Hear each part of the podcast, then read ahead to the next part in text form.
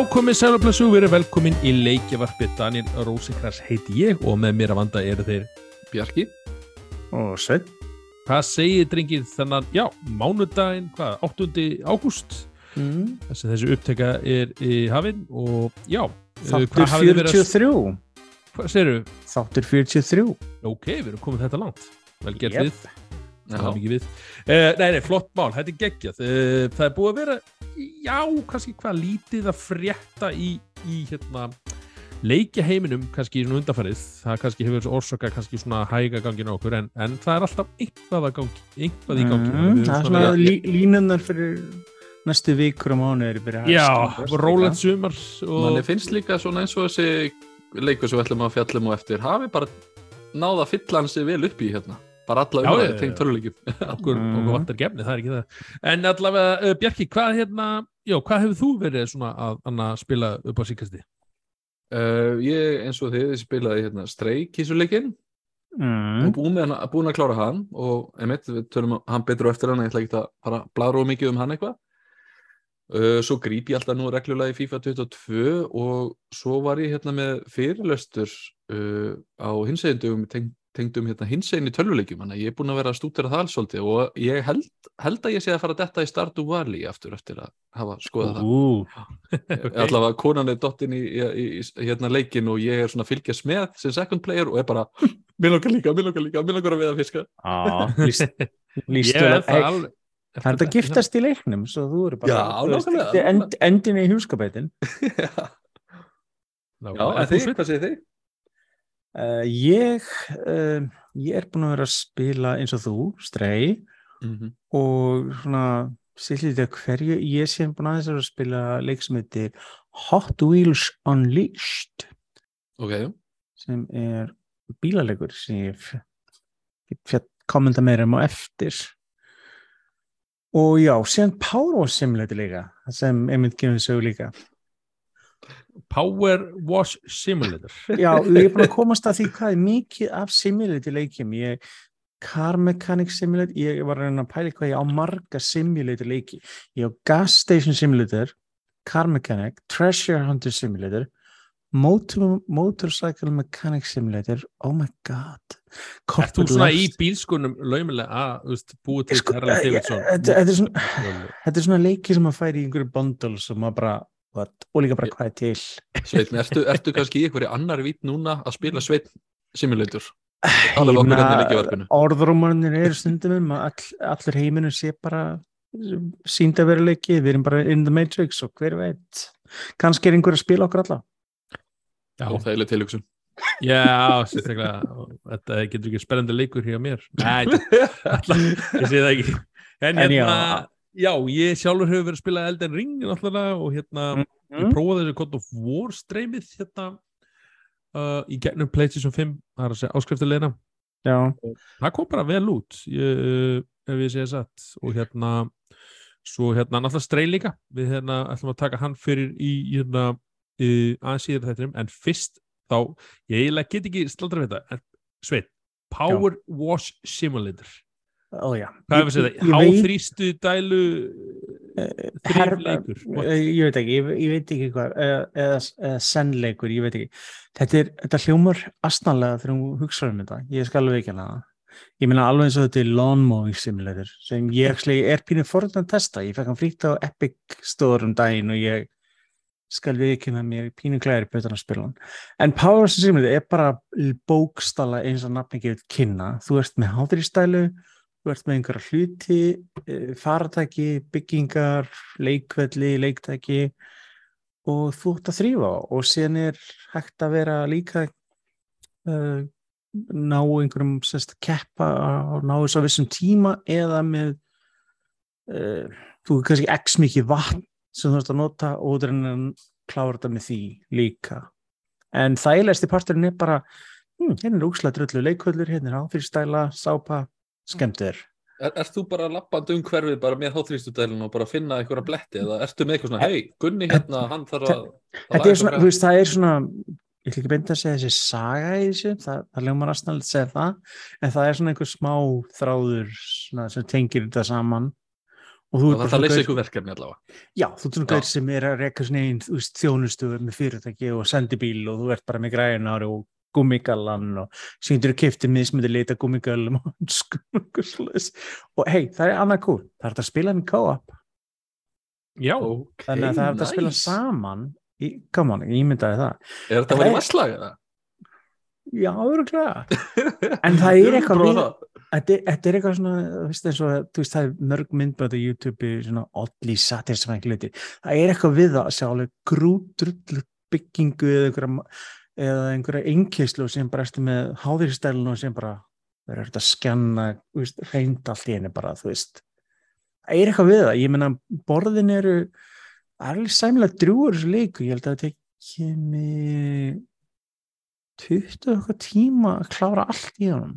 Vá, Já. það er actually miklu meira en ímyndað mér Eh, Ég nákvæmlega, það er Já, bara, ég þú veist, það það var er, við tíu tímar allavega það er svo Það- fjórfaldur Call of Duty leikur ef þú spila bara sögum Vá, bang for the Já. buck bara hérna. Það er, það er nefnilega máli, sko, það er drjúgt og líka sko með borðin, þú ert alveg, þú veist, uh, svona meðal borðin, þegar þú ert, sko, fyrst er þetta bara úslega einfalt, skilur, um, uh, hreinsa bíl eða, þú veist, og eitthvað lítið dæmi. Og síðan setna mér byrjar þetta vel alveg gríðalega stór, kannski stór hús eða slökkulistöð eða eitthvað og þá þetta, þú veist, þá er það, krefst það svona skipulags, hvað er það að byrja á, þú veist, svoleiðis. Fá hérna, þú veist, talandi um Call of Duty sko, fá fyrstu personu skottleikja spilarar eitthvað út úr þessu leik þú veist, með að miða eða snerpu eða eitthvað, er þetta bara svona hangseri og dunderi og þetta tímakaupi eða þú safnaði pening og Ja. notar til að kaupa betri græi, framleikingar og eitthvað svoleiðis og sem getur fengi þú veist, mismöndi kraftmikil uh,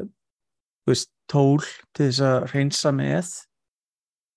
Veist, þetta er svona er úslega skandið að útskýrnuleik en að spilan þetta er eitthvað svona senn sko, þú sum borðin getur tekið alveg bara þrjú kortir klára sko. Og þú ert bara hana rúlandi í gegn og rennandi eftir og þrýfandi, þú veist eh, einhvern grútrullun leikvöll og sem bara hægtarulega sérðu lít til að koma og reynsa en leikurinn er mjög þægilegur og auðvöldur að því leitin að þú er alltaf ítt á að taka festeringinu þá sínur þér ennþá hvað er óhreint. Hmm. þannig að mjög þægilegt að þú veist, þetta er ekkert erfið leikur ekkert hver sem er spilað þetta. Getur þú dáið í honum? Það var aðtiklisvert ég, ég menn tæknilega sé að þú ert að kljóra upp á byggingu og þetta frá þakkinn, þá ættir ekki dáið. En, en síðan er skondið, síðan koma setna mér sko, eins og nýjar lestastöð sem þú ert að þrýfa það, veist, það er alveg sæmilega dítilað allir teinanir og allt svo leiðis en, en leikurinn er samt þetta er ekki samt að dítilað að þú ert bara hver einanast að millimetra stundum er þú ert búið með nógu mikið af þessu þá þarna klárast kannski viss, viss veggur eitthvað svoleiðis. og sín leikurinn alltaf með hann segir að hann er all heldur þann tölfræðina þú er búið með svona mörg prósent af þessu og svona mörg og þannig að þú sérð alltaf hvað er eftir. Og sem þú- komið En það er spurning mér, mér fjekka einhvern veginn óstöðlega löngunast ég var að grínast með kona maður svona farin í bíkó eitthvað og leia háðuristæli og fara allir að þrýfa stjættin á sér sko þetta er samt, það er samt eins og þú segir það er oddly settingsfæðing þú ert að gera eitthvað sko vinnu sko en það Já. er eitthvað við það að sjá hvað gerist þegar háþrýsti dælum fyrir það er, sko. það er bara nákvæmlega það það er eitthvað við þetta það það er ástæði þetta vinsalt að fólk að horfa á þetta á YouTube og eitthvað vegna þess að það er eitthvað við þetta þú horfir á þetta og, byrju, ég, ég er að lifa, ég er búin að spila leikin í 2 daga 16, uh, 17 tíma. Já, býtu býtu tvo daga? Þannig að en þá væntalega þú varst með leikin kannski gangi bara eða? Eitthvað kannski getur skafað þessin almennt já, þetta er til að ná öllum achievementunum eða svo má orðið komast. Þá Já. þarna, já, var þetta tveir dagar, elska hvað Microsoft Express og PC heldur svo vil um allar svona tölfræði sem er stundum vandrarlegt en já, spil, spilaður í hérna Houseflipper eitthvað? Hann er á Game Pass. Þetta er með, Já. ég spilaði með hann á Game Pass og hann er með hann er að Game Pass kempast, já ok, já. Já, og ég er bara svona hmm, hann er með Game Pass á Xbox og PC og það besta við þú getur minnst að hoppa á milli og leikurinn heldur áfram þannig að save-in syngast saman, allt saman sem svona minna mig á hásflipper einmitt í samt að þrýfa eitthvað og það vera er svona- ákveðna fleti þetta er, ákveð svona sens þú getur fundið í vissuleik menn startu vel í heillar með fólk að vissuleiti vegna þess að, að þú veist búið til garðana, setja heimilið og allt saman, það er ákveð við þetta er svo Sims og SimCity og svo margir svona leikir. Þú ég- inn í þetta einhvern veginn sko stundum. Ég held að þetta sé algjör sko svona leikir eins og Power Wash, House Flipper og Mhm. Stardew Valley ég held að þetta sé helvíti fyrir fólk sem að á við svona áráttur já, áráttu, uh, að áráttu glíma, sko. þráhyggjuraskun er ekki, sko þetta getur einstaklega, en sko upp á að ná sér satt öllu skilur Já, en leikurinn, til með þessi Powers, þá er hann mjög góður með, hann er mjög casual, sko, þú veist, upp á þetta. já, já, er þetta er ekkert leikur sem á að vera erfir og þetta er bara leikur sem þú veist átt að geta notið og slakað pínu á einhvern veginn. En það er að fyndið að sjá hvernig leikir verður mitt vinsalir eins og þessi. Fólk er að horfa fólk spilda á YouTube eða Twitch eða eitthvað og maður bara, maður hefði ekkert hugsað að þetta var eitthvað sem myndi gerast en þú veist, já. Þetta- er eins og ég segi, þetta er oddly satisfying. Ég, ég veit ekki hvað er gott íslenskun á þessu að segja það sama en það er eitthvað við þetta. Sess niður, spilar smá stund og minna, fólk gerir þetta, fólk spilar solitaire, einhvern kapalegur, þetta er sama, þú veist, er já, er- þessi- já og meðan að sand þarna og svona lítinn sand Já, í já, já, og hrífu eitthvað þetta, er ekkert að krefjast mikið á þér, þannig að þessi heilalega séð, þetta er góðlega, þetta er bara svona þægileg slökun, þú getur verið að þú getur verið að hlusta podcast þess vegna eða þú veist, YouTube eða eitthvað whatever og bara gert þetta á meðan og klára Mhm. eitt borð og síðan bara, ah, já bara að fara á lagti og bara verið mjög glaðið með og þú þreifst lest eða eitthvað og hún er bara eins og ný allt í hennu ég meina, þetta er líka og ég segi, ég meina þetta er ekki dýrleikur þetta er held ég held að hans er 20 dollara og held að Steam líka sko, hann er til á flest öllum plattformum að þessi er ekki á Game Pass, það var House Flipper sem var á Game Pass þeir, þessi eru- þeir eru báður á Game Pass já, ok, ok, ok. Þeir eru báðir, Game Pass er nefnilega, þetta er nefnilega mitt mánuð með Game Pass og svona þjónustur er, þetta er perfect leikið þetta er inn í, einmitt í svona, ég veit ekki alltaf, maður myndi endilega segja, kaup þetta, þetta er fínt að pröfu þetta minnst, og þá getur þú sé hvað þetta, Mm. þú veist, henda þér ekki, en ég meina, fyrir, fyrir Game Pass leik þá er þetta bara um að gera, akkur ekki að pröfu þetta, skilur, hverju hefur að tapa hana nokkur í mínúndum, þú veist, þetta stór leikur nei, vá, ég held að hann hefði verið bara nokkuð gíg eða eitthvað slags, hann er 5 gíg, Er þetta frá okkur, er þetta frá okkur svona stúdíói sem að, þú veist, ma maður þekkir eða er þetta eitthvað bara, Nei, uh, og segja líka eitt fyndi. Útgefundinu sem leik. Square Enix, takk fyrir. Nei, nei, nei, nei, Squeenix, þeir eru að dreifa þessu leik, pældi í því. Svona stór útgefundi er að dreifa þessum leik vá, þetta er bara, þú veist, eins og Job Simulator veina VR-leikurinn var fyrir einhverjum árum, sko, þetta er bara Já, einhver það sé málega, þetta er svona, þú veist, já ég meðan hann getur spila sex saman í einu pældi í því, Já. það er býr nuts sko, þú veist, við getum allir verið hérna bara í, á nördinu bara skellt okkur í bara þrif. Ég veit ekki hvað spennandi er að streymi okkur að allir að spila en það getur verið pínu fyndið en þú veist en þetta er eins og segi, og já, þannig að ég heiklust gefa hann thumbs up og ef eru meðganga Game Pass á PC eða Xbox, go for it. Annars er hann til á uh, Playstation PC, Ulsla Steam. Ég langar að segja Switch. Já, Mhm. þetta er bara svona uh, Power Wash Simulator fær, uh, já tvo þumla upp frá Sveini já, já, þú veist Nei, þetta er hérna, hérna mjög aðtilsvært því að jú, það er til endalust af simula simulation leikjum Já, uh, það er alveg ótrúlega mikið en Og- það er bara fyndið hvað er til mikið af þessu. og þetta er eins og segi og verðist vera mjög einfalda hugmyndir en samt svo, svo er einhverjir sem svona grípa alveg mann alveg já, bara svona hugur og en hérna fleiri leikir, uh, við höfum allir spilað Stray, það er að segja Stray kom út á Playstation uh, leikjartölunar og hérna uh, PC, Já, ég langar að segja hafa hann verið, er á Steam líka. Já. Yes, já. hafa verið 19. júli kom bæði út fyrir Playstation 5 og Playstation 4 Mm og eins og segja, hann hefur aðgengurlegur á Steam rétt eins og sveit uh, segir, sagði og já, við erum allir búin að spila hann vorum hvað heldur þó nokkuð spennti fyrir hann alltaf sérlega ég og, og hérna það var eitthvað við hann, þetta var svona uh, hvað maður, hvernig maður lýsa hann þetta var svona cyberpunk feelingur svona kattarleikur. Já, Eh, gerist í eðilegum heimi sem voru bara vélmenni í borg og síðan var þúsund köttur. Mér fannst það bara strax einhvern veginn hillandi þegar ég sá hann kynnt hann á sín tíma Akkurat.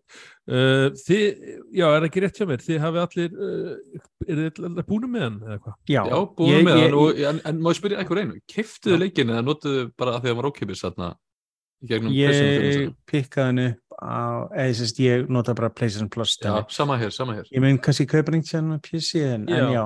Já, Uh, já, geggjað að hérna Bjarki myndi nefndist við það, þetta var einmitt svona svipa á Game Pass, þá var náttúrulega komin ný áskriftalegi fyrir PlayStation uh, Plus eða PlayStation þjónustuna. Og þá Mhm. er hann uh, aðgengur fyrir Sentinel, nei, nei, fyrir Extra og Premium, það er að segja miðl- elska þessi nöfni að Já, hann er fyrir hérna miðl, miðliðina, ef maður kallar það. Og svo hérna e, premiumliðina, en hérna ég hef mitt kifti hérna premium, premium áskrift af því að ég gætt kift hérna það voru hvað, hundrað og uppfært rest, restina áskriftinni það það var inni. ódýrar fyrir mig að uh, einmitt, fara þessa leið heldur en að ke- kaupa strey sjálfan, af því strey kostaði held ég eitthvað 20 dólar eða 25 mann ekki. Mm. og ég held ég hafi borgað enna, eða 25 pundi en ég held ég hafi borgað einmitt 19 eða 18 pund fyrir til þess eftir að áskriftinu minni. Já, já, mm Þetta er alltaf þetta í Netflix og Game Pass eh, stemninguna hérna jú, jú Já. þannig Nákvæmlega. að með leikjum þar að segja en já, mér, hérna, ég er alveg sammála Sveinið, bara þegar maður sá fyrst sko síndu leiknum, ég man ekki hvernig það var fyrir einu, tveim árum eða eitthvað sluðis eitthvað svona tveim Já, síðan eitthvað þá var maður bara rosa spenntur fyrir honum af því, ég meina, mér finnst þetta hann var auðlistu þannig, ok, nummer eitt kisa, geggjað Mhm. í cyberpunk einhvers konar heimi geggjað og þrautaleikur ég elska þrautaleiki. Þannig að mér finnst Mm. þetta kombo bara strax vera mjög heillandi, sko, sko. já, ég er bara svona, ég þarf að fylgjast með þessum betur. Já, og svo að gerði. já, og svo er svona eins og hérna Daniel var að segja á það er svona ákveðin svona þögn í gangi núna í leikjaheiminu, það er svona takmarkað að frétta þannig að hann kemur á einhvern veginn svona mjög góðum tíma einhvern veginn fyrir það, það er ekkert margir aðri leiki sem er að slást um aðteklinu einhvern veginn já, hann ég, bara er búin að rústa aðteklinu hann er bara, þú veist, út um allt, það er allir að tala um ótrúlega, leik, sko. ótrúlega vinsæll á Svakalega. Twitch og YouTube mjög vinsæll og gældir aftur á múti mínu kettir, ég á tvo ketti og þeir, þeim gat ekki verið meira sama en svo svo hérna þessi á pínufórtin þegar eh, mjálmið og tók dríft á hana, ring, eða ekki Mm. hringur Já. til að mjálma og henni hún var stað pínu skandið að að það væri í svona tvær sekundur sem fór hann laðis aftur og já. En, að- en ég sé ég, mér langar um þetta taka þess meira, spila hann meira upp á trófíana, þú ert búið með hann líka, þegar ekki? já ég er búin að klára söguna og hlutist allt það, en ég er ekki frægur að Daniel og búin að platinum hann Já, Daniel, þú ert bæði búin að speedrunnan uh og sló, jöp, Já, sló slípan Já, er ég achievement fyrir að sofa klukkutíma og gera ekki neitt ég, ekki? ég, ég eftir á móti gera, ég er búin að því Ég var að Ég- spá ég að sessa stream á sama tíma og Daniel var að gera þarna speedrunnið og taka það achievement á sama tíma en þú veist ég, ég, þetta ég, verði geta hendi í þannig stream bara, hafa Bjarka eitthvað- og allir hjá Daniel. Nei, hérna, já, eins og ég segi, hérna, við kannski fyrir hérna svona aðeins út í út hvernig leikur þetta er. Þetta er sem að þú ert köttur sem ég held ég er aldrei nefndur nafni, ekki það skiptir máli Nei. og eldri, það er ekkert gefið til hvort þú sétt læða eða fress, þú ert bara, já, köttur, kísa. Og hann byrjar í, í já, þú ert svona, ég, veit, ég myndi segja svona nær kettlingi, eða ég veit ekki hvað, eh, nei, kannski ekki, ég, Nei, og bara ungur, ungur- ungur köttur ungur köttur. segir það, ég, já. ég, ég myndi segja það bara, ungur köttur þið eru hérna, eru hérna svona sískinni eða, eða, eða fjölskylda saman, eru fjó, fjórir kettir í hildina saman og hann byrjar í svona já, einhverju svona hú, húsasundi og þið eru hérna í einhverju óveðri og þú ert að byrja svona að leika við hana, hana uh, hvað segja, bræður þína eða, eða systur eða hvað maður kallar það. Og hérna, já, og, og þetta er á svona mjög skemmtilega animitað, það er það sem ég dáist að leiknum og, og þú fær svona výbring í festringunum þegar það eru svona klessast og, og krútleitt allt saman. Það er mjög smalið, að áberandi fjastringin að- og hýrist í fjastringun alveg. Já, mér finnst það mjög flott. Mér- er mjög ábyrjandi að þeir sem gera leikinn er, þú veist, er, er ketti, alveg það, 100% þú veist, það er mjög ábyrjandi, það er svona litli hluti, þú veist, ef maður á uh, kött eða eitthvað, þá ég hef aldrei mála. kött og, en þessi leikur er það samfærandi að, að, að, að það er bara magnað uh, Mhm. aðeins aftur í það sem hana, ég var að koma að þennan og já, bara mjög fljótt í leiknum þegar fa- farið að príla eitthvað áfram þá verður okkar köttur fyrir því óhappi, óhappi voru, þau voru sér leið eitthvað. Og hann fellur niður unna, þetta er eitthvað stípla eða eitthvað veist, þegar- Já, þetta er að hoppa á milli rö- röra og þetta er heimunundi eini nýslu og Já, og, og, og okkar hérna, ég ætla að fara að segja okkar maður, hérna, okkar maður okkar að fara að segja það. Hún, hann dettur niður og hérna og fer eitthvað niður í eitthvað ég ætla að reyna að finna íslenska orðið við alley eða svona þetta er meira svona ræs, meira ræsi. ræsið sko, Já, hann fer eiginlega í súurinn sko, hann fer í ræsin Já, rétt, fyrst svona- til að byrja já, með. Takk fyrir þetta sveit og já, og það verður svona mikið svona, ekki dramabitt en maður hefur svona mjálm í hérna í köttunum Ég fannst flott þessu hreyfinguna eins og þegar hann mitti sig sem maður hefur séð þetta gerst með ketti hvernig hann hlýfði fætinn og hlæs í loppinni, það var mjög flott að sjá svona. Og mér fannst líka annað rosalega flott setna þegar þú færið þarna uh, ég líka beint segja beislin, svona fatnaðin sem bjálmennið gefur þér. Já, kötturinn eins gerir eins og klassist eða greina hvað kött vanlega í fött bara hrinnur hann í gólu bara eins og þessu dauður bara nei, neitar að já, lappa já, ég bara, þú getur ekki gert mér. Og síðan alveg eins og hann skreið eftir jörðinni fyrst, hann bara tífis bastarðurinn er að gera mér þetta? Þú veist, já það var og Vél- ótrúlega Vélmenni segir hérna er, þú er að veynast þessu, þetta er allt þú veist, það er já, ekkert sem það getur var gert í þessu. hann fyrir ferfellengar sem þig skilur ég og maður hafa bara maður fór að heyra hvað veist, finnist um þetta allt saman. Já, og það er einmitt, einmitt stutt í leiknum að, að þú færð hérna og ert svona áttað umhverfinu og þetta er frekar svona straight forvart leikur, það að segja þetta er svona beinbraut, svona til að byrja með. já, þetta er, veist, þetta er okkur upplifun um mörgu leiti, þetta er ekki rosalega því til það eru þetta side quest og slags þetta er hliðarverkefni en þau eru aldrei eitthvað rosaleng eða eitthvað mikil. Og þú getur ekki verið að skoða þig og þú getur ekki verið að skoða eitthvað endalust um nema á svona völdum stöðum. Þetta er bara meira svona ætlast til að þú farir einmitt áfram. Ég- þú getur aldrei farið líka heldur eða mestuleit ekki tilbaka í leiknum, þú veist, þegar þú ert búin að ferða milli ákveðna svæða Já, til að progressa söguna, þá ert ekkert að fara tilbaka en þetta er ekkert meira, þú upplifir þannig part kannski á heiminum síðan hann búinn og þú fer eitthvað annað mm. upplifir nýtt æfintýri mm nákvæmlega. Og hérna, maður hoppar svona milli hérna, já, eh, ekki að segja svona hæða, eða svona, þetta er voða, þetta er svona minni svolítið á svona gunguhermir, veist, þú gerir ekki mjög margt, þú hérna, ítir annarkvort á X eða, eða, já, heldur hún inni eitthvað til að hoppa milli staða, það er að segja til að komast yfir til dæmis hérna yfir gyrningar, þá ertu að byrja á því að hoppa á hana á, á rustatunnu og hoppa svo hana í gyrninguna og, og þa- já, svona umhverfið svona leiðir að X-merkið, eins og ég er að segja lýsa það því ég spila þetta á Playstation, X-merkið poppar upp og það er þetta svona staði sem þú getur hoppa og það er mjög svona, þú getur ekki farið út um allt það er ekki svona plattformir, þú getur Já, bara hoppað hér og þetta er, þú, þú, það er ákveðins um, svona ákveðnir staðir sem þú getur hoppa á og leikurinn gefur þetta kynnaði mitt með að Mhm. sína nákvæmlega, og það er mjög þæl en það er mjög aðeinslega að sjá eins og þú ert samt að gera svo köttur og þeir fara veist, oft ákveðna leiðir þegar þeir eru að klifra upp og eitthvað ég, eins og kötturinn með pappa, hún klifra allt upp og skjólvegin og síðan klifra hann på toppinu húnum og síðan hoppa hann på þakkið og þetta er ekta eitthvað svoleiðis. Og þess vegna rosalega hendur í svona leikum þess að miklu meira en hundur þess að kettir þeir, ferðast svona um um umhverfið og þeir eru rosalega fínir í það og það passar rosalega vel við þennan heim og þessa sögu mitt nákvæmlega uh, mjög bara þegar svona, já, mjög fljótt í leiknum þá hittur þú vélmenni. Og þú byrjaði, e, það er sem einhver að tala við í hérna umhverfinu. Og sér svona skjái, eitthvað svona bendaðir átt að þú fyrir svona leiðir þig átt af hérna verkaninu og þar hittur þú hérna vélmenni sem kallast B12 sem er held ég nafnið á le leikifyrirtækinu sem býr til leikin, þetta heiti B12 og já, og þetta er svona hann hérna greinlega talaði genið leikin, hann er svona, maður segja eins og sögumæðurinn, þú svona þú veist, þú þarf að tala við á hana aðra personur þá er hann sem sér um samskiptin og, og, og drýfur þannig eins og söguna áfram, annars væri þetta bara já, mjálm allan tíman og, og maður væri kannski ekki átt að sig hann er segi. ákveðin já, kynning líka fyrir heiminum og baksögunni.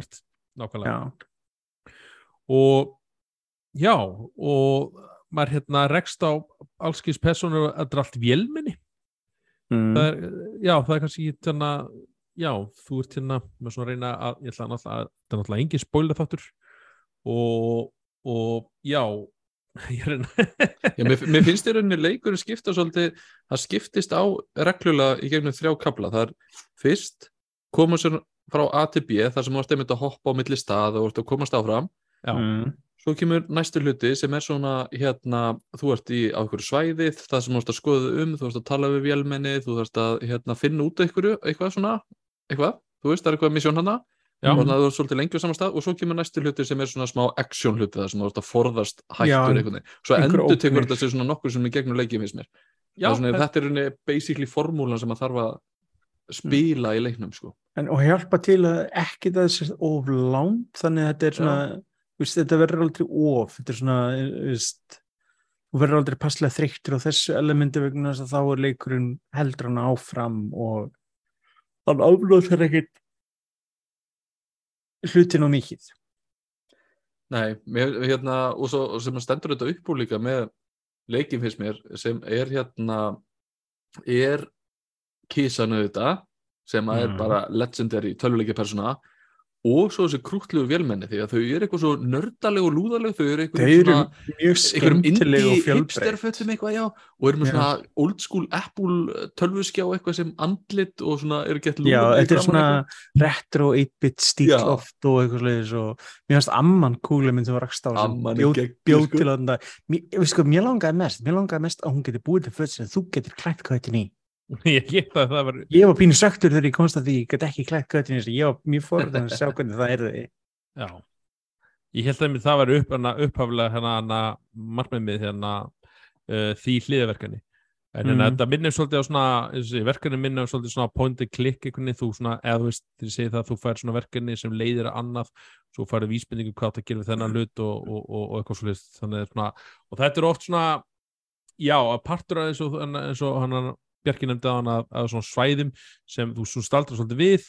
Ok, núna ertu stopp eins og þú segir og þú veist, þú fær vísbendingu þú ert að fara þangað en þú þarf samt að svolítið svona, hvað segir maður að gramsum og, og það komast að því hvernig þú komast hann upp og svo færði eins og hli, önnur hliðverkefni og líka bara svona, þú veist, í úkörinu þetta er svona, eins og segir, personur eins og einn er hann, er svona tónlistar velminni greinlega með eitthvað svona músikalska nótur og hérna, þú þetta sapna þeim öllum saman og Já, hann ég, byrjar svo að ég þarf að gera lög. það Já, og eitthvað, eitthvað svona og, og þetta er svona, og það svæðið er bara svona, svona örugglega, það er eitthvað svona stærsta í, eða lengsta í leiknum mér er að segja að því að, þú veist, svo kemur svona hliðar hérna uh, sögur það sem vélminnið allt henni fær svona minningar eða minni heitir, já bara memories og, Mhm. og þegar hann kemur að því þá fer hann að segja eitthvað svona sögu sem það bætist í menna minni hans og hann fer að segja það fyllir býr baksöguna sína Já, og leiðin eftir að læra eitthvað um heiminn og þá má, sé. segja svona með hvernig svona lítill leikur og þú veist, þú ert einhver kiss og eitthvað að, að sagan kemur alveg skemmtilega óvart í, í þessu sko, hún er alveg flott og Já. heldur mann alveg svona áhuga sömum Já, eitthvað ég var mjög áhersamur um þetta að vita meira um heiminn hvernig Já. atvikaðist þetta allt í einu að þú veist hvað var um um allt fólkið skilur það sem að fyndi sem sýtti mér oft frá sko, eins, og, eins og mér finnst rosalega gaman að vita hvað er að gerast eins og í Resident Evil heimunum og eitthvað svona en ég hef ekki alltaf þólimæði í það að lesa tvær til fimm blaðsíður um einhverja dagbókafærslu hjá einhverjum vinnumanni sem ég finna á 15 mínúna fresti. Þannig er þetta meira svona þetta er bara búið að hérna, melda þetta svolítið fyrir og, að vera að mata þið svolítið. Þú færð ekkert, þú veist, eitthvað svakalega löng detail heldur, það er bara svona að vera að fjalla um þetta og þarf ekkert að vera að kafa svona svakalega þetta eins og til dæmis í þeim leikjum sko. Akkurat og þetta er, eins og að þetta er rosa svona innfældaleikur ekki, alls ekki flókin. Um, það, þeir, það geta allir svona gripið stýripinnan og svona og held ég að fært sig áfram. Og já, hann er virkilega eins og segja það, það að aðalpersonu sé köttur það gerir þetta svolítið svona interesting og hann er búin að fá rosalega miklu aðtekli bara af því. Og fólk bara meiri sér að gælutýr eru að fara að horfa á leikinni og, og maður er svona að komast því hvað, veist, hvernig verður hérna, veist, hvernig enda leikurinn eða þú veist, hvernig verður sagan Mm. og eins og segi, þetta eru nokkuð svæði uh, sem leikurinn gerist í og ég, eins og segi, fyrir persónulega var ég bara alveg nokkuð sáttum með leikinn sko. það var ekkert sko, ég bjóst við bara hvað við segja Veist, hann er bara varð mínu vendingum Já, ég meina, og og dóman eru fín, ég meina, sér hann er með 8,3 á finnst og, og user score er 8,7 þannig að fólk er að fíla hann og geggindir að fíla hann og, já, Þetta, já, þetta er rosalega kasjóleikur auðvitað að spila og Mm. einmitt personar finnst mér hérna alveg bjarga leiknum þar sem að ég hefði sem að ég svona ímyndaði mig meira með leikin þegar maður kynntur á sínum tíma var að þetta væri aðeins meira þrautaleikur og mér fannst ég ekki vera að nota mikið af heilasælum í leiknum sko. þetta er meira Nei. svona þú veist, þú ert að fara þangað, það er einhver sem segir hvar staðurinn er þú, það er x út um allt þannig að þú veist hvernig þú, hvar þú getur hoppað, þú ert ekki að nota eitthvað heilasælunar í þetta og svo Mm. þarfst að fara með einhvern annan hlut, einhvern annað og það er sagt bara það er og svo einhvern veginn kemur hasar hluti þar sem þú ert að hoppa frá hlutum og verja þig og þú veist, það var, með, ég saknaði einhvers konar svona þrauta elementa. Ég Já, hefði viljað fá aðeins meira af því sko. Það var já. auðvitað þrautir og voru svona sí-endurteknar eða svartar er maður svona þarna var tunna át rúlunni, ok, svo komin lengri leikin, þarna er önnur tunna já, þá er potið rúlunni, eða fattar þið var allt svoleiðis og það var, og það var rétt og þáttir ekki að gera eitthvað öðru í sig það var svona, þannig að vanta svolítið svona einmitt svona okkar pælingar ok, hvernig ger ég þetta? Þú veist, þannig að Já, vantar eitthvað einhvern erfiðan kapla eða eitthvað svo leiðis Já, Já. en, en að, hann var svo en svona visually, þú veist hvernig hann lítur út, útlitans er hann gorgeous, mm það er kannski það sem er kannski hans helsta svona helsti kostur og, og líka bara hljóðið og, og hvernig köttur í mjálmar og, og bara tónlistun undir að, þennan, að það er það sem gerir þessa veröld mjög heillandi. Eins og ég var að mynda spýtrunnan eða hraðhlaupan í Game TV um daginn. Bara ákveða að gera já, og, og, og tókst einmitt að klára hann undir tveimur klukkutímum sem er einnig trófíleiksins Hvað veistu lengi? uh, 1 klukkutími 43 mínútur. Ó, vel gert. Og, en in game time var ég 1 klukktíma 36 það er að segja hana, hana, með seifinu en hana, ég mæli þau fólk sem eru eitthvað að skoða leik uh, þá bara wow, þetta er svo stuttuleikur þetta er alls ekki það stuttuleikur þetta er, það tekur þið meðtali held ég 6-7 tíma kláran Já, að segja það. ég held að ég hefur eitthvað svolítið sem mitt þegar ég klára það fyrst. já, pluss að ég, ég tók þetta trófið líka fyrir að sofa í klukktíma svo það bæ- bætti á ná smá. Gerði þú það sveit inn í þessum tíma?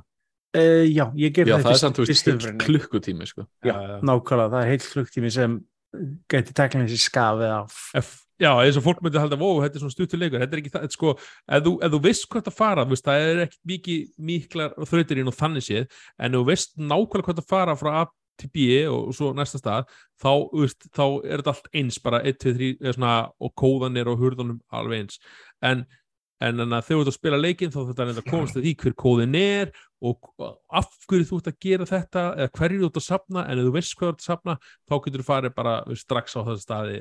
Það sem Mm. gerir, þessna, gerir þetta hérna, hraðhlup að, að möguleika að geti gert það. Uh, já, ég hérna eins og Björki sagði hérna uh, með svona og annað, þú veist, ég, eins og segi, ég hérna já, hann stó bara mínu væntingar og ég mæli öllum, allir sem eru með svona plúsáskrifti eða þá og hafa einhver svona áhuga og finnst þetta svona heillandi leikur bara, og ef þið hafið helst ekkit skoðan eitt um hann sjálf, þið er ekki búin að skoða hann í YouTube eða Twitch uh, þá mæli ég frekar að mynda bara upplefa sjálf sjálfur, því að mitt kynnast personunum að, að þegar ég var að streyma var ég að segja fólk hérna, ok, þetta verður ekki heillandi spilun, en að ég tók bara fram að því ég er að skipa svo mikið þú veist, veist, hvað fólk er að segja og, og hvað þeir rauninni að gera þú veist, svona fann ímyndaðir svona og það er svona, veist, það er samtölu á milli og þetta er alveg heimur sem maður vill kanna mm. og, og, veist, og, og, og svolítið svona upplifa en að, en að hraðlöpa gegnum hann að, að, þá missur alla þann sjarma og það er sem sjarmi leik, leikurinn er veröldin sem hann gerist í. Og hérna, og já. Eitthvað annað að Mhm. bæta við það sveit Nei, ég ég segi, hann er vel þessi virði bæði ef þú myndir kaupa hann og hvað þá byggjar að pröfa hann á uh, PlayStation Plus. Já, og afslutulega þetta er bara skemmtileg leikur það verður ekki einsting að sjá ég held að verða alveg svona top tíu leikur, ég er ekki að segja að vera leikur ásins endilega, en hann verður alveg, ég mig grunna að verða á mörgum listum hjá fólki í loka ásins. Já, það hefur alveg verið svona umræða í kjölfarið svona, hei, þetta er bara besti leikur ásins en einmitt, ég er alveg sammála Sveini sko að, þú veist, að hann endar á topplistum og þetta er klálega, þú veist, mögulega einn- ef mögulega getur bara alveg besti endað á tí- indie-leikurinn eða Já, hann get alveg endað á topp 10 hjá mér, skilur. Já, mér finnst það mjög líklegt að að nefndi það sko. En, en, En- sem leikur ásins finnst mér svolítið Nei, og, og, og svo, svo ég kannski á þess að taka sjarman af þessum leik að því við erum búin að tala mjög jákvætt um hann og svona, ef maður er að reyna að finna eitthvað að þá, þú veist, var til dæmis þú veist, spilunin sjálf í leiknum var ekkert rosalega fresh, Nei, var hún var rosalega bara svona basic, sko. nei já, þú, þú hefur ef, ef þú ert törleikjaspilari, þá hefur gert þessar hluti miljón sinnum, það, veist, það er ekkert svona fresh þannig, eina sem er fresh er fresh. Freshin Góður, góður. Það Já, ég er að segja það, þú veist, ef þú væri, ef þú væri ekki köttur eða kísa, þá, þá hafði þetta verið alltaf öðruðsi viðbótikunni. Það er, er, það er það sem ég gerir hérna, kannski bara eins og segja, hérna, grafík og, og, og hvernig hann er teiknaður og, og hérna, animitaður, Mm. að það er svo trúverðugt. Eða, veist, hvernig hann bregst við hlutum þegar hann bregður, hvernig hann hoppa svona frá og, all fjastrygginn og, og, og, og svo þegar vélmenni dettur eitthvað niður og hann slær í, svona, veist, þetta er allt svona, veist, þessi, ég hef ekki átt kött á þeir en samt bara eitthvað vóku, þetta, svona haga ketti sér. Eða, Mér finnst líka bara cool hvernig uh, triggerinnir á Play- PlayStation 5 festringinu voru þegar þú varst að klóra í uh, teppið eða og eitthvað svona. Já, mér fannst það mér fannst það voru svona litlu hlutir sem að þjónuðu ekki endilega tilgangi eins og til dæmis að hérna klóri í teppin, klóri í sófa mm. og eitthvað svona þá, einmitt triggerna virka mjög vel að þá kom alveg svona moment, þú veist sem hafa svona pínu brætti í hjartað í manni maður svona, þú Já. Veist, ég hef átt kissu og ég er bara ó, þetta er svo sæt. Og þá einmitt sjálfkrafa fer maður í leikin einhvern veginn með, þannig að mér finnst einmitt eins og kísan hún, hún er bjargvætturinn í þessum leik algjörlega, sko. Já, algjörlega, þú veist, það er það sem læt, einn af þessar hlut sem lætur leikin ganga upp líka. Já. Konverið er líka ógeðslega grútlegt sko. Já. Já, Uh, já, ég held að sé ótt að mæla með streym það er að segja, það að segja Hann- við hann- gefum hann- allir thumbs up. Hann fær þrjú mjálm. hjúmjál ákvæmlega hann að já, uh, Bjarki, þú hérna já, varst með einhver fyrirstöðum daginn eða ekki? Herði, jú, það ég var hérna með var beðum að vera með fyrirlöstur í tengslu við hérna hinsegin daga. Og vorum hérna ég og Steingerður Lóa vorum tvö með fyrirlöstur hérna uh, þar sem vorum að fjalla um hinsegin í tölvuleikjum og vorum basically bara að skoða bæði sko hvernig uh, hinsegin karakterar uh, byrtast í tölvuleikjum, hversu algengir svoleiðis tölvuleikir eru uh, og sömulegis svona þú veist hvað er mikið uh, hérna fólki hinsegin í töluleikja yðnaðinum og þess áttar, bara svona aðeins að opna á þessu umræðu Mm. og þú veist og þetta er einmitt bara þú sem spilari. Og þið kannski hugsa þetta líka sko ef maður bara hugsa sko ok, bökkum sko prí 2010 af því það eru svakalega mikið gerst á undanförnum cirka 10 árum, þú veist með Last of Us 2 og allt þetta dæmi. Algjörlega. hugsum um leikið sko fyrir 2010 þú veist, hvaða uh, hinsegin karaktera munið þið bara svona eftir sem að voru að vera eitthvað annað en að vera hinsegin í töluleiknum skiljiði. Já, og bara einhver sem hlýða persóna Já, sem er svona, hey, ég er- Fyrstipingur á er blokk, þetta er eins og þegar blökkumannski var sett í eitthvað svona og nákvæmlega þannig sko. það var svona tikkað í boxi eitthvað. Þannig að þetta var svona pæling sem að var að fara með og þú veist, þetta var alveg svona það var hérna í rauninni bara var ábyrjandi lítið af svona hinsegin personum í tölvuleikjum uh, fyrir aldamótin. Og svo kemur auðvitað Sims sem að svona brýtur þetta svolítið mm. því að í Sims sagt fyrsti leikur, leikurinn kemur út ára 2000 og þá getur uh, sagt svona sínt áhuga þein á sama kyninu og Já, gaf þér okkur frelsi til þess að búa til personu sem hend eða svona lísti þér kannski einhvern veginn og Já, í fyrsta sinn svona að já, segja þín einn sögu sem var ekkert mikið til staðar fyrir þann tíma. Nei, akkurat og maður verður þetta líka á, átt að segja því að við erum hérna árið 2022 og við erum búin að spila Us Part 2 og við erum búin að spila alls konar leiki þess og ég verður að segja, þú veist, mér finnst þetta alltaf réttir, svona rétt þróun, réttir brauti einhvern veginn varandi byrtingamind hins eginn fólks í töluleikjum en auðvitað fyrsti leikurinn kemur ára 2000 þannig að hann var alveg svolítið svona hei, þetta bara er í lægi skiljiði. Það er bara má gera svona í töluleikum og Mm. svona mesta þróunin í rauninni átt sér stað bara á seinustu tíu árum eða svo það sem er að koma bara svaka stökk á svona uh, maður að segja, fjölbreyttari karakterum. Þetta sé ekki, ég meina ég ólst upp í það 90s og það er bara, þú veist uh, sapn af uh, suppulugum stereotypum. Við skulum bara vera já, Duke það er og eitthvað á, bara klísjur vinstri hægri sko. algjöra klísjur þetta sem maður líka svo sem í bíómyndunum sko en það afsakar þetta ekki. Og ég fór svona að skoða bara í rauninni hvernig hérna tók nokkra valda töluleikja fyrir og fjallaðum á fyrirvesturum og tók ég sko fjallaðum Cyberpunk mm. mm. Last of Us Part 2 og svo tók ég Sims 4 sérstaklega fyrir og var rauninni bara að skoða hvernig hins egin karakter að byrtast í þessum leikjum og var að koma bara með svona uppbyggileg dæmi í rauninni uh, út frá svona töluleiki heiminum Mm. um, og eins og segi, það hefur alveg mjög margt gerst á sem tíu, tíu árum eða svo. Og hann að svona í framhaldinu þá uh, skrifaði ég hérna, byrti ég lista, ég vil nú ekki kalla það topplista, af því þetta var ekki hugsað sem topplisti, heldur bara Mm. uh, benda á tíu velhefna leiki þar sem er einhvers konar hinsegin element í, þú veist, hinsegin persóna, hinsegin sögurþráður, eitthvað svo leiðis og setti saman þar svona nokkra leiki sem að mér fannst allavega svona þess eh, virði að, að minnast á og það eru allir leikir eins og Celeste, það, þið hafa spilað hann eða ekki? hann er æðislegur Hann er geggjaður, já og, og, og kom einmitt svolítið á óvart vegna þess að ég hef líka spilað hann Daniel, hefur þú spilað hann eða? Uh, hvaða leikur var það fyrir? Celeste Já, jú, ég klára. já. að þú veist að það er dæmis leikur einmitt það sem maður er ekkit endilega að pæla í sko kynneið karaktersins en það eru alveg svona hint í leiknum sem gefa til kynna að, að þetta sé að Metaline sé transkona, sé að Metaline er að Já. karakterin í leiknum og svo kemur bara í rauninu höfundurinn og staðfysti þetta einhverjum hvað einu, tveim árum eftir útgáfu leiksins það búið svona Mm. fan theories bara hei, við sjáum hérna það panfánin hérna í einhverju screenshoti og önnu mynd þar sem að sést svona eins og hann líti út svona eins og hérna, svona drengslegur, hann er svona stutt hár þegar hann er krakki og eitthvað mm. og, og þá segir hann bara, þú veist, leikjahöfundur já, ég, þetta, hún Madeleine er transkona bara segir það bara beint út.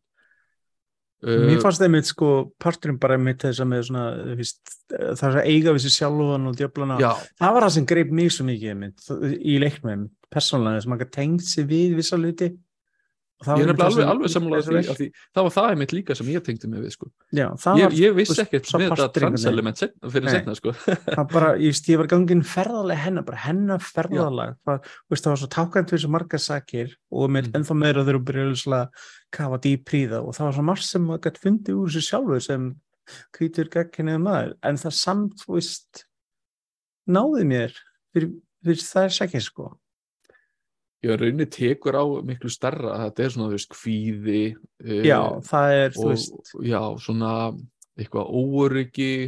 Mhm. verið svona pínu að svona dilemma eða svona ekki sættast við sjálfan sig eitthvað svona, þetta er eitthvað svona flækjustig sem að, þú veist, þarf ekki bara tengjast við trans Nei, nei, nei, alls ekki. Það, En- það, það margir geta fundið eitthvað í þessu víst, fyrir og það var að máli. Fyrstu virkar þetta bara, þetta er bara svona old school og skop, uh, veist, æfinturleikur sem allt í hennu byrja að kafa dýpri og sagan byrja að koma í ljós og allt í hennu og vá, við erum að díla svolítið hefði í já. nákvæmlega, sko, þetta er alveg þar en, Mm. en já, svo var ég að skoða fleiri leiki við skoðum einmitt eins og segi Sims 4 líka og þá til dæmis var að koma hérna, eins og ég sagði, þú veist, þau hef alltaf verið svona frekar frjálslegir með þetta mm. svona hvernig, hvernig Simsin þinn er, þú svolítið stjórnaði sjálfur en það kom sér svona uppfærsla uh, fyrir þessu ári þar sem þú getur breytt fornafninu þú getur sett valið, þú veist, they, them og eitthvað svo leiðis mm.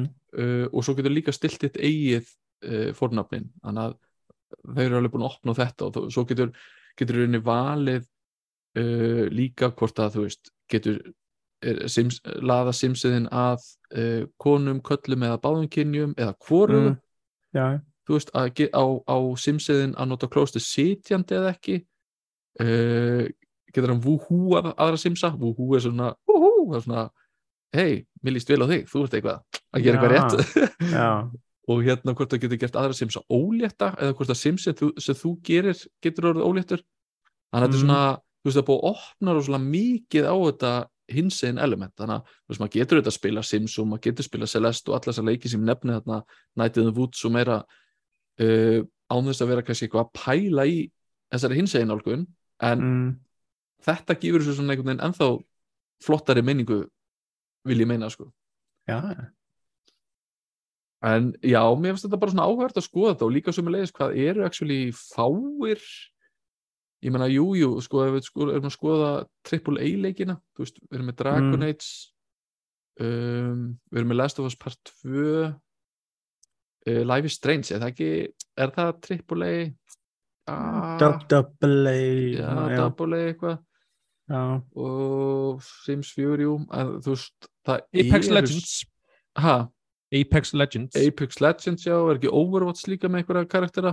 Jú, Já. það er bara mjög mikið sagan of í- Legends held ég já, sagan í Apex það er bara veist, backstory hjá öllu karakterum og það eru í, alls, já, það eru hana, kína á öllu, veist, það er að segja það eru uh, fyrir svona hvað segir maður?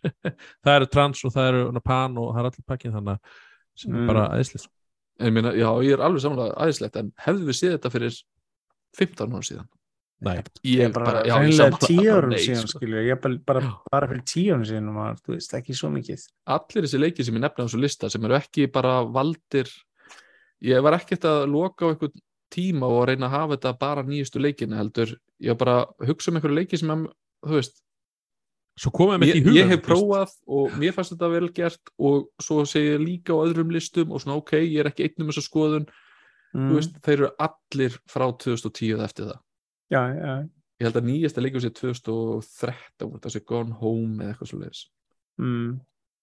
að, að, að, en hann er þetta sínu hvað þetta er einhvern veginn. Þú veist höluleikja bransin hljóma svona pínu eins og hann sé komin stittur en til dæmis kvikmyndaðinaður með þetta. Já, eins og við fengum fyrst svona meiri af þessu í indileikunum síðan þetta hægt er alveg að virka út í stærri titla mm -hmm. en þetta indileikar hafa alltaf verið góðu leið til þess að þeir eru svona developera að setja meir af sér í leikina alveg klálega og, og þarna, hefur oftast verið mjög góð einmitt leið fyrir þá til þess en það er jákvæmt að við erum að sjá þetta einmitt í stærri titlum í dag sko. já, maður sé líka eins og með The Last of Us sko leikina sem að hérna ná veginn að gera þetta svo fallega sko þetta er einmitt ekki hérna vinkandi guðurinn segja hei, ég er hins einn mm. einhver svona, bara, svona, svona, einhver gangandi klísi eða styrir í staðan fyrir bara í staðan fyrir bara karakter. Já, þetta er bara vill- flottur sem karakter. vill bara svo skemmtilega til að er þetta eða hitt skilur já, í staðan akkurát fyrir. Ég man ekki- ég- sko. Ég ekki hvort það var, jú, það var náttúrulega, ég ætla að segja hvort það var hintað í fyrirleiknum, svo náttúrulega var aukapakkin fyrir Last of Já, Us já Hand, hann snýst aukabakkinn alltaf um það. já, staðfesti það klálega. Já, Já, og svo þetta part 2 bara pú, setur punktin á það bara já, já, geggja hvernig það taklar, hvernig það taklar mm. Og hérna, já, það er eins og segja, það er geggja að við séu komin þar að segja, eins og segja, þetta sé orðið ekki svona að það, veist, að leikjafræmundur loksins geta, geta fengið tjási eða svona í gegnum töluleikina mm. og, og, og, já, sem er bara æðislegt. en, en það er samt eins og mér segja það margt sem mætti betra þetta er bara eins Ó, og mi- líka ó, bara, já, já, já, já, ba já. bara eins og með bara konur og hvað þá samkynni og trans og allt það skilur þetta er eins og að vera aðal karakter í leik skilur í staðin fyrir, þú veist, þetta er eins og með saskriðleikina, þú veist fyrir tæklinni sem er búin að vera með möguleikan síðustu tveim leikjum að vera kallið kvengis karakter en það er alltaf lagt lögð mest áherslan á kallingskarakterinn já. Mm. Og- Hvernig og- var það með, með Odyssey?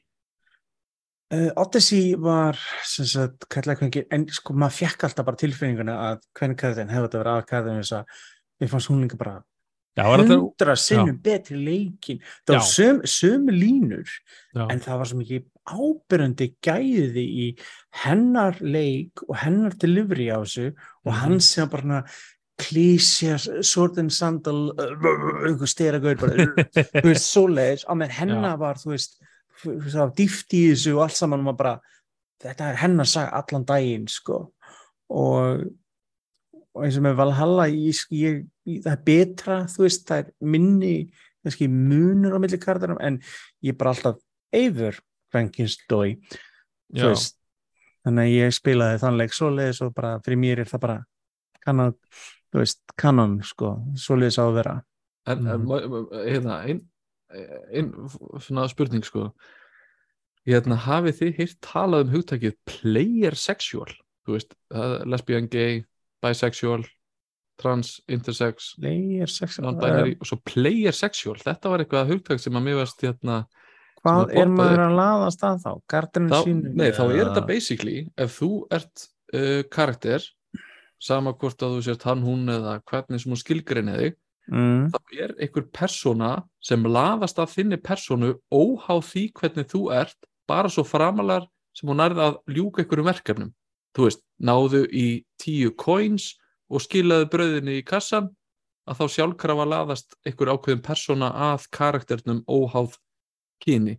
Og það er Ha? ekki því að hún sé uh, sagt endilega sagt uh, queer eða sem sagt lesbía eða homi heldur bara player sexual, það er bara sama hvernig ég hef bara aldrei sig. heyrt Nei, ekki heldur, mér finnst það svolítið merkilegt sko. þetta er sem að, líka komið í, í töluleiki, þetta er svona skilgreining á kynning, en samt svona innan svíga eða, ég er það bara mikið talað höstum og bara pæli í þessu sem er bara, mm, hvernig Já. Fjölbreytni er flott, ég held að það sé bara já, og meðan þetta er vel gert og meðan þetta er ekki bara til að í einhver box og já, þykjast það er alveg þetta, þú veist, þetta þjóni sögunni eða þjóni ákveðin dæmi, ekki bara til þess að vera til þess að vera, þú veist. Það er alveg sem ég finnst með alla hluti hvort þessi hvít svartur samkynnið ekki, þú veist, það bara ef það passar, það er þjónar, eða sé ekki Já, sé ekki þvinga bara að því bara, þú veist. Já, nákvæmlega. Eitthvað Þetta svona sé ekki til- bara, e- til að sína, já, við erum óslega fjölbreytt fyrirtæki, sjáðu okkur í staðin fyrir Já, já, já. Já, þú veist, þannig að þú veist, þú upplifir söguna eða leikin einhvern veginn og vill bara svo skemmtilega til að þessi karakter er þetta ekki að það skuli endilega vera, þú veist, bara upplifa hennar sögu eða hans eða hann Mhm. eða þú veist hvað sem er, ætla ekki, þetta er svona það er forðandi að sjá hvernig næstu ár verða í þessu öllu saman. Nákvæmlega og svo svolítið áhugavert að sjá það var sem sagt hérna, teknir einhverja, ég man ekki hvað 500 leikir leikjatitlar sem að innihalda, innihalda hins eginn karaktera og þeir Mm. voru svona skilgreindir eftir leikjaflokkum og þá voru svona ákveðni leikjaflokkar sem að voru svona líklegri til að innihalda uh, hins eginn karaktera en Ég, já, Já. ég ætla Ég- einmitt að spyrja hvaða leikjaflokk myndi ég myndi alltaf segja indilegi og oh. svona einhvern veginn smarri tillar sem var miklu líklega til þess indie leikir eru ekki flokkur, þetta er meira Nei, ég, svona ég veit það, sko ok, tegundalegjum uh, Já. aldrei skotleikir vegna þess að það er já, mjög rétt hjá þér, það var að, að skoraði mjög látt ævintýraleikir myndi ég segja Working simulator? Ævintýraleikir Ævintýraleikir eru næst hæstir rólpleikir Já, Já, það er og rólpleikir RPG. er, er, er, er hið klassíska að leifa þeir mitt að spila annað líf og leis og það er þetta já, búa til þín eigin personu eftir uh, þín hendurleik og leis mm Akkurat, þannig að já, RPG leikir af öllum að þessum leikir verið 39% af þeim, það voru RPG leikir. Já, það kemur þetta ekki á óvart sko. Síðan er það instinct, þessi pæling sko líka að að fyndi eins og í roleplayum þá er, er það myndi oftast búið til neði persónleis og aðtíkslega þess að það fara ofta, ofta að velja kynið og fleira. Og það er instinct stundum mér er gamla svo tölfræðum þetta hver margir kattmenn velja kvenkinskarakter og konur sem kallkaraktersleis í þessu bæði í singleplayer-leik og kannski fjölspilleik. Ég veit að margar konur velja kallinskarakter í fjölspilleikin bara einfallega upp á áreitið sem Mm. verða fyrir þá verða það ekki fyrir því, já, sem er Já, já. en sín oft mér aðtíksvært að að, sem sagt, já ég, ég, svona, ég stundum býði til kvenkinskartir, stundum býði til kakkinskartir, svona oft ég spila ekki annarskipti, þá vel ég hitt. Og Ég svona- spila yfirleitt einmitt, en ég, ég er sammála, ég verið ókslega til að sjá tölfræði við þetta sko, en Þa- þetta er einseng pæling sko, veist, á bakvið og hvað veldur því sko að fólk velur eitt frekar en annað. Sem er reyna að búa til sér sjálfan sem er reyna að búa til eitthvað allt annað. Mm og það er myndi aðeins að sjá það stundur reynir maður einmitt að búa til bara sjálfa sig þú veist bara Mhm. hver er hárgreisla mín hvernig líti ég út, eitthvað að reyna að búa til sjálfa sig og stundum emma bara eitthvað einmitt að leika sér en ég verða vikan, ég fer yfirleitt í kallana en það er samt einhvern veginn bara svo sjálfkrafa ég einhvern veginn hugsa ekki beint langar mig að vera þessi eða þessi heldur bara ég gera þetta bara einhvern veginn í hugsunarleysi sko. mm. það verður kannski að vera duglegur að prófa að E- annað. Þetta er aðeinsvægt líka bara hv- hvernig þetta er gert í leikjum og og það er svona ég, ég leist um það greinar um þetta að fólk er ofta pæli í þessu að, að hvað veldur, veldur því að þetta sé svo leiðis Ég valdi hérna uh, kvenkisútgáfi hérna við Elden Ring ég man ekki og hún er alveg full, full klæðum svona, lang, svona já, mér langar að segja að ég hef gert það líka. Og ég er einhvern veginn svona að gera það eiginlega gerna í svona erbyggilegjum ég er reyndar eins og Cyberpunk veldi ég kalla og svona eins og ef ég reyna að móta mig sjálfan þá er svona er ég alltaf að kalla eitthvað. En svo einhvern veginn svona er ég hana, já ég er bara svona hrifin af líka kvenkinspersonum í tölugi eins og Aloy þú veist svona þú veist, og það er svona bara undarfarið þegar maður er að spila svona góða leiki með kvenkinspersonum sem er Mm. æðislegt sko. Og hvernig það eru svona tólkað bara á þú veist það er ekkit uh, maður tekur fram kannski aðeins hérna með Horizon það er ekkit neitt svona þvinga mann veist, það er ekkit svona sem bendir það oh, að því, við gerum þetta að því hennu kona veist. ég held að við aldrei svona aldrei neitt minnst á það í, í Horizon eða mér langar að segja sko að það að því svona fyrirlítið hann niður og hana að því hún er kvenkist það er svona já, mér finnst það- það magnað þegar ég er svona fyrir hans að hugsa þetta. þetta er ofta upp eitthvað fantasy, eitthvað roleplay sem þú vilt upplifa oft í mörgum leikjum og Já. hvað fólk vilur og fleira en Það þetta er Já, mér finnst einmitt líka með kvenkinspersonar það er líka eitthvað sem að mér finnst að sem spilara bara upplifa rosalega hratt, hröð breyting einhvern veginn Mhm. Þú veist, það er ekkert langt síðan að Duke Nukem var bara acceptable og var bara hei, geggjaða leikur það er veist, Call, þá- það- Hvað sér Call of Duty Ghosts þegar ég menn langar að hafa segja hann að komið 2010-11 Mm. þá var það fyrsta sinns og að valið hérna Kvenman í Ca- í Call of Duty Duty leikinu Er það, er, ekki, er það bara með multiplayer vegna þess að alkartirinn í þeim leik er gaur? Jó, í multiplayer, já, já, ég er að segja Já, það, það, það, já, það sem meina að það er ekki ennþá búin að kóldið þú leikur sem alkartirinn kvenkins Svo, Er svo þetta þetta át og fréttinnar núna. Já. Já, ég verð fórhundin að sjá hvernig það verður. Með kvenkinspersonar en, en rétt- það, það er svo rétt líka er. spurning sko, þetta er líka annað, svona, tengt þessu kvenkins dæmi sko, og allir er bara hversu stór hópur sko uh, sko það er gott að hafa valmöguleikana en svo er maður líka bara áhuga saman um tölfræðin eins og Sveitin var að tala um Mhm. þú veist hvað, erum ekki kalla sem velja þessu, þetta eða hitt kyn og þú veist ég sá Mhm. aðra áhugaverða tölfræði að nú veit ég ekki 100% uh, ald, meðal aldur eða hlutfall, kynja hlutfall í FIFA leik, leikjunum þá með Mhm. gruni ég má ákveðna svona hugmyndir um það en þá var ekki Mhm. nema cirka 4% af FIFA spilurum sem að höfðu prófað einn leik í kvennabolta í leiknum það er sett achievement fyrir það og ég tjekka á því það passar, Mhm. það er eitthvað stendur að 4% sem er búin að hérna ná þessu og ég var ekki þar sko þannig að þú Ég að, ég er búin að ná því held ég en ég er með þetta vonast núna með talandi um fótbolta að ég spila mikið fútbolmæti seríuna og ég er með svona búin að vera vonast eftir í síðust árun að þeir bæti því inn í leikin kvennaboltan svo hann er ekki anþá komin í það og þetta er svona staðisti fótbolta hermirinn, það er komin kvenkins það er kvenkins þjálfarar, starfsfólk allt þetta en það vandar ennþá þennan hluta leiksins. Er ekki hérna hver maður á káp, kápunni? Á FIFA, næsta- Jú, já, en hún, er- hún er samt á einhverju aukakápi það ekki, hún er ekki það eru ennþá að- 22? Já, aðal. Já, það hvort ekki- sé, þú veist ba eh, ekki baksið eða þá hvort er sé hann hérna að ennsku leikmaður, hún er held ég að Chelsea.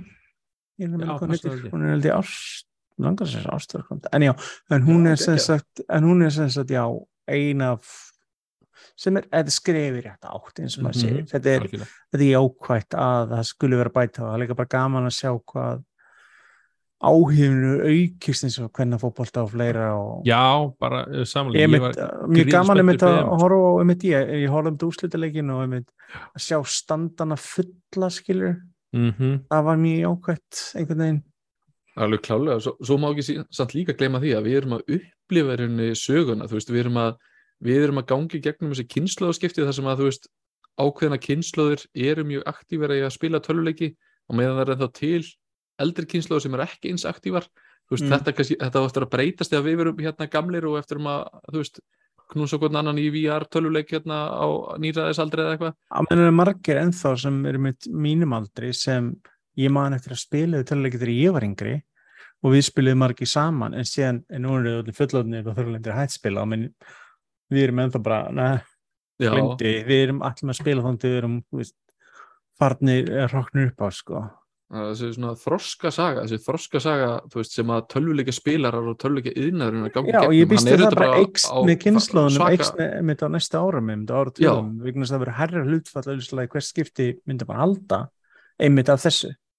Já, einmitt, þú veist, það er oft tal að ég hef hérna, einmitt, heyrði ykkur segja, ég man ekki hver, hver það var sem hann sagði einmitt að, þú veist, að gera, gerist álíka mikið í, í töluleikasögunni á, á einu ári eins og að gerist í, kvikmyndasögunni á tíu árum eða eitthvað, sko, Mm. að því að, sko, við erum bæði að tala um tækni þróun, þú veist, það er þróun í grafík og allt þetta og svo erum við líka að taka þetta svona, svona málefni, þú veist, hvernig ákveðinu hópar byrtast í tölvuleikjum og veist, með að meðalaldurinn er ekki nema en að gesalappa í kringu 35 ára að það horfum allir með svo meðalaldur uh, þeirra sem horfa á kvikmyndir ég meina hann er Mm. 100% tölvert herri þegar horfa allir á kvikmyndir eða hlusta allir á tónlist Já, já. með, með tölvuleikina þá er þetta ennþá svona kynnslóðskipt þannig að maður er einhvern veginn svona ennþá, vaxtarverki sem fylgir þessu, sko. Já, Já. er ennþá pínu, já, spila þú telluleik ennþá.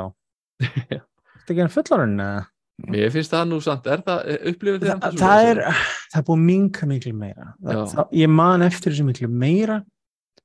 miklu- ég man rosa mikið eftir þessu sko Þetta er miklu minna, þetta er, miklu svona félagslega viðkynnt í dag en var fyrir svona kannski 15 ára síðan svoleiðis, sem var miklu meira svona stigma bakvið, þú veist, neikvæna bakvið þetta.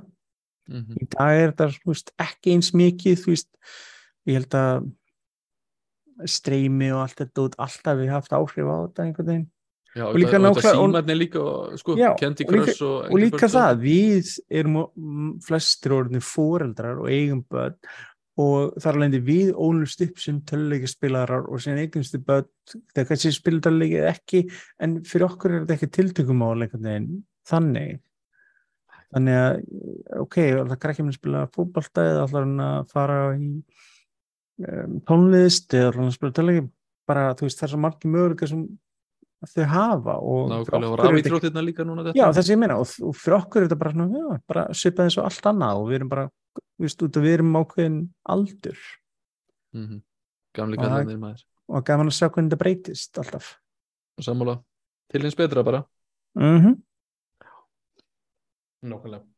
Yes, Já, uh, hafið þið prófað eitthvað streymi þjónustuna á PlayStation Cloud? uh, já, ég prófaði hann í fyrsta skipti í, í hérna, senastu viku Ok. ok. Og hérna, hvernig fannst ykkur? Er þetta er náttúrulega til að taka fram að til að geta streymt leikjum þú þarf að vera með premium áskriftarleið uh, Jú, þú veist að vera með dýrasta áskriftamódelið. Ég er einmitt svona fóröldin að því hérna uh, man ekki félag okkar hérna, eh, félag okkar hérna uh, ég hlustu þessum á hérna töluleikismillið Mm. þeir eru tókuð fram að hérna uh, að þetta var ekki búið í Íslandi þess að þeir gæti ekki notað það Já, ég, ég er með breskan aðgang, Já, ég það- heyrði það- þannig og ég- og það. hann hafi, fyrir nokkrum mánu hafa hann búið til íslenskan aðgang og þá gæti hann ekki þar að fær, hvernig líst þér þessi? Þú færði eitthvað svona premium áskriftilegin, hún voru með einhver, já, þeir voru með einhver aðra fyrir markaðir sem stýður ekki já, streyming, þá er annað uh, mótil í bóði ég held að bo, ég borgi Fyrir jafn mikið Já, ég Eh. man ekki hvernig það er, en, en já, ég má að heyra það að, ákveðin partar í heiminum sem er ekki með, hafa ekki verið með PlayStation, eh, sérst, gamla PlayStation Now streymidæmið, mm mm. -hmm. Sérst, fá annað áskattamódel í staðin. nákvæmlega, en hver var svona upplifun eitthvað á því, Eh, Sveit, prófaður einhverja nokkra leiki eða? Sko, ég er bæði búin að pröfa að streyma á PlayStation 4 og 5 leikjum og í PC Mér finnst að ég var alltaf forðin það var hérna þetta sem ég mest spenntastur að pröfa var að streyma leikjum á PC eða Já. yfir á PC sérst það. Almennt hefur það virkað bara fínt. Uh, það er þessi klassíski hausverkur hjá Sony er að uh, vissar útgöfur leikja seifin virki ekki saman þeir eru ennþá með það hausverk það er ennþá sama vittlesan En þú segir streyma yfir PC, hvernig virkar það? þeir eru með, place, eru með PlayStation á app er bara forrið á PC þeir eru hætti með það, eða ekki? nei, þeir eru uppfæra nýtt Ha? Er ég sirkilega að segja fréttir? Ég er að horfa á það Ég bara var að- í ég var að- töluð orðum. Ég var að skoða þetta í dag og mér, og mér minna þegar ég var búin að slúta þessu, Men, að þeir komu nýtt bara uppfært forrið Ok, sem Þú heyrðir það hér í leikjavarpinu já, já, ég bara, hvað, er þar ég að koma með alla fréttinnar hann ykkur Nei, ég finnst þetta ekki, ég var ekki í vinnunni og svo rólega tími ég bara, akkur tók ég ekki Playstation fyrst og getur verið að spila gott og vor Þa, það var að mynd það sem ég var svo spenntur með að testa, var að þenn, þessi partur sérstaklega það, út að maður getur streyma uh, PlayStation 4 leik, eða þrjúleikjum og hana, bara yfir á PC allir, mér finnst bara, hm, ég var bara þetta sko.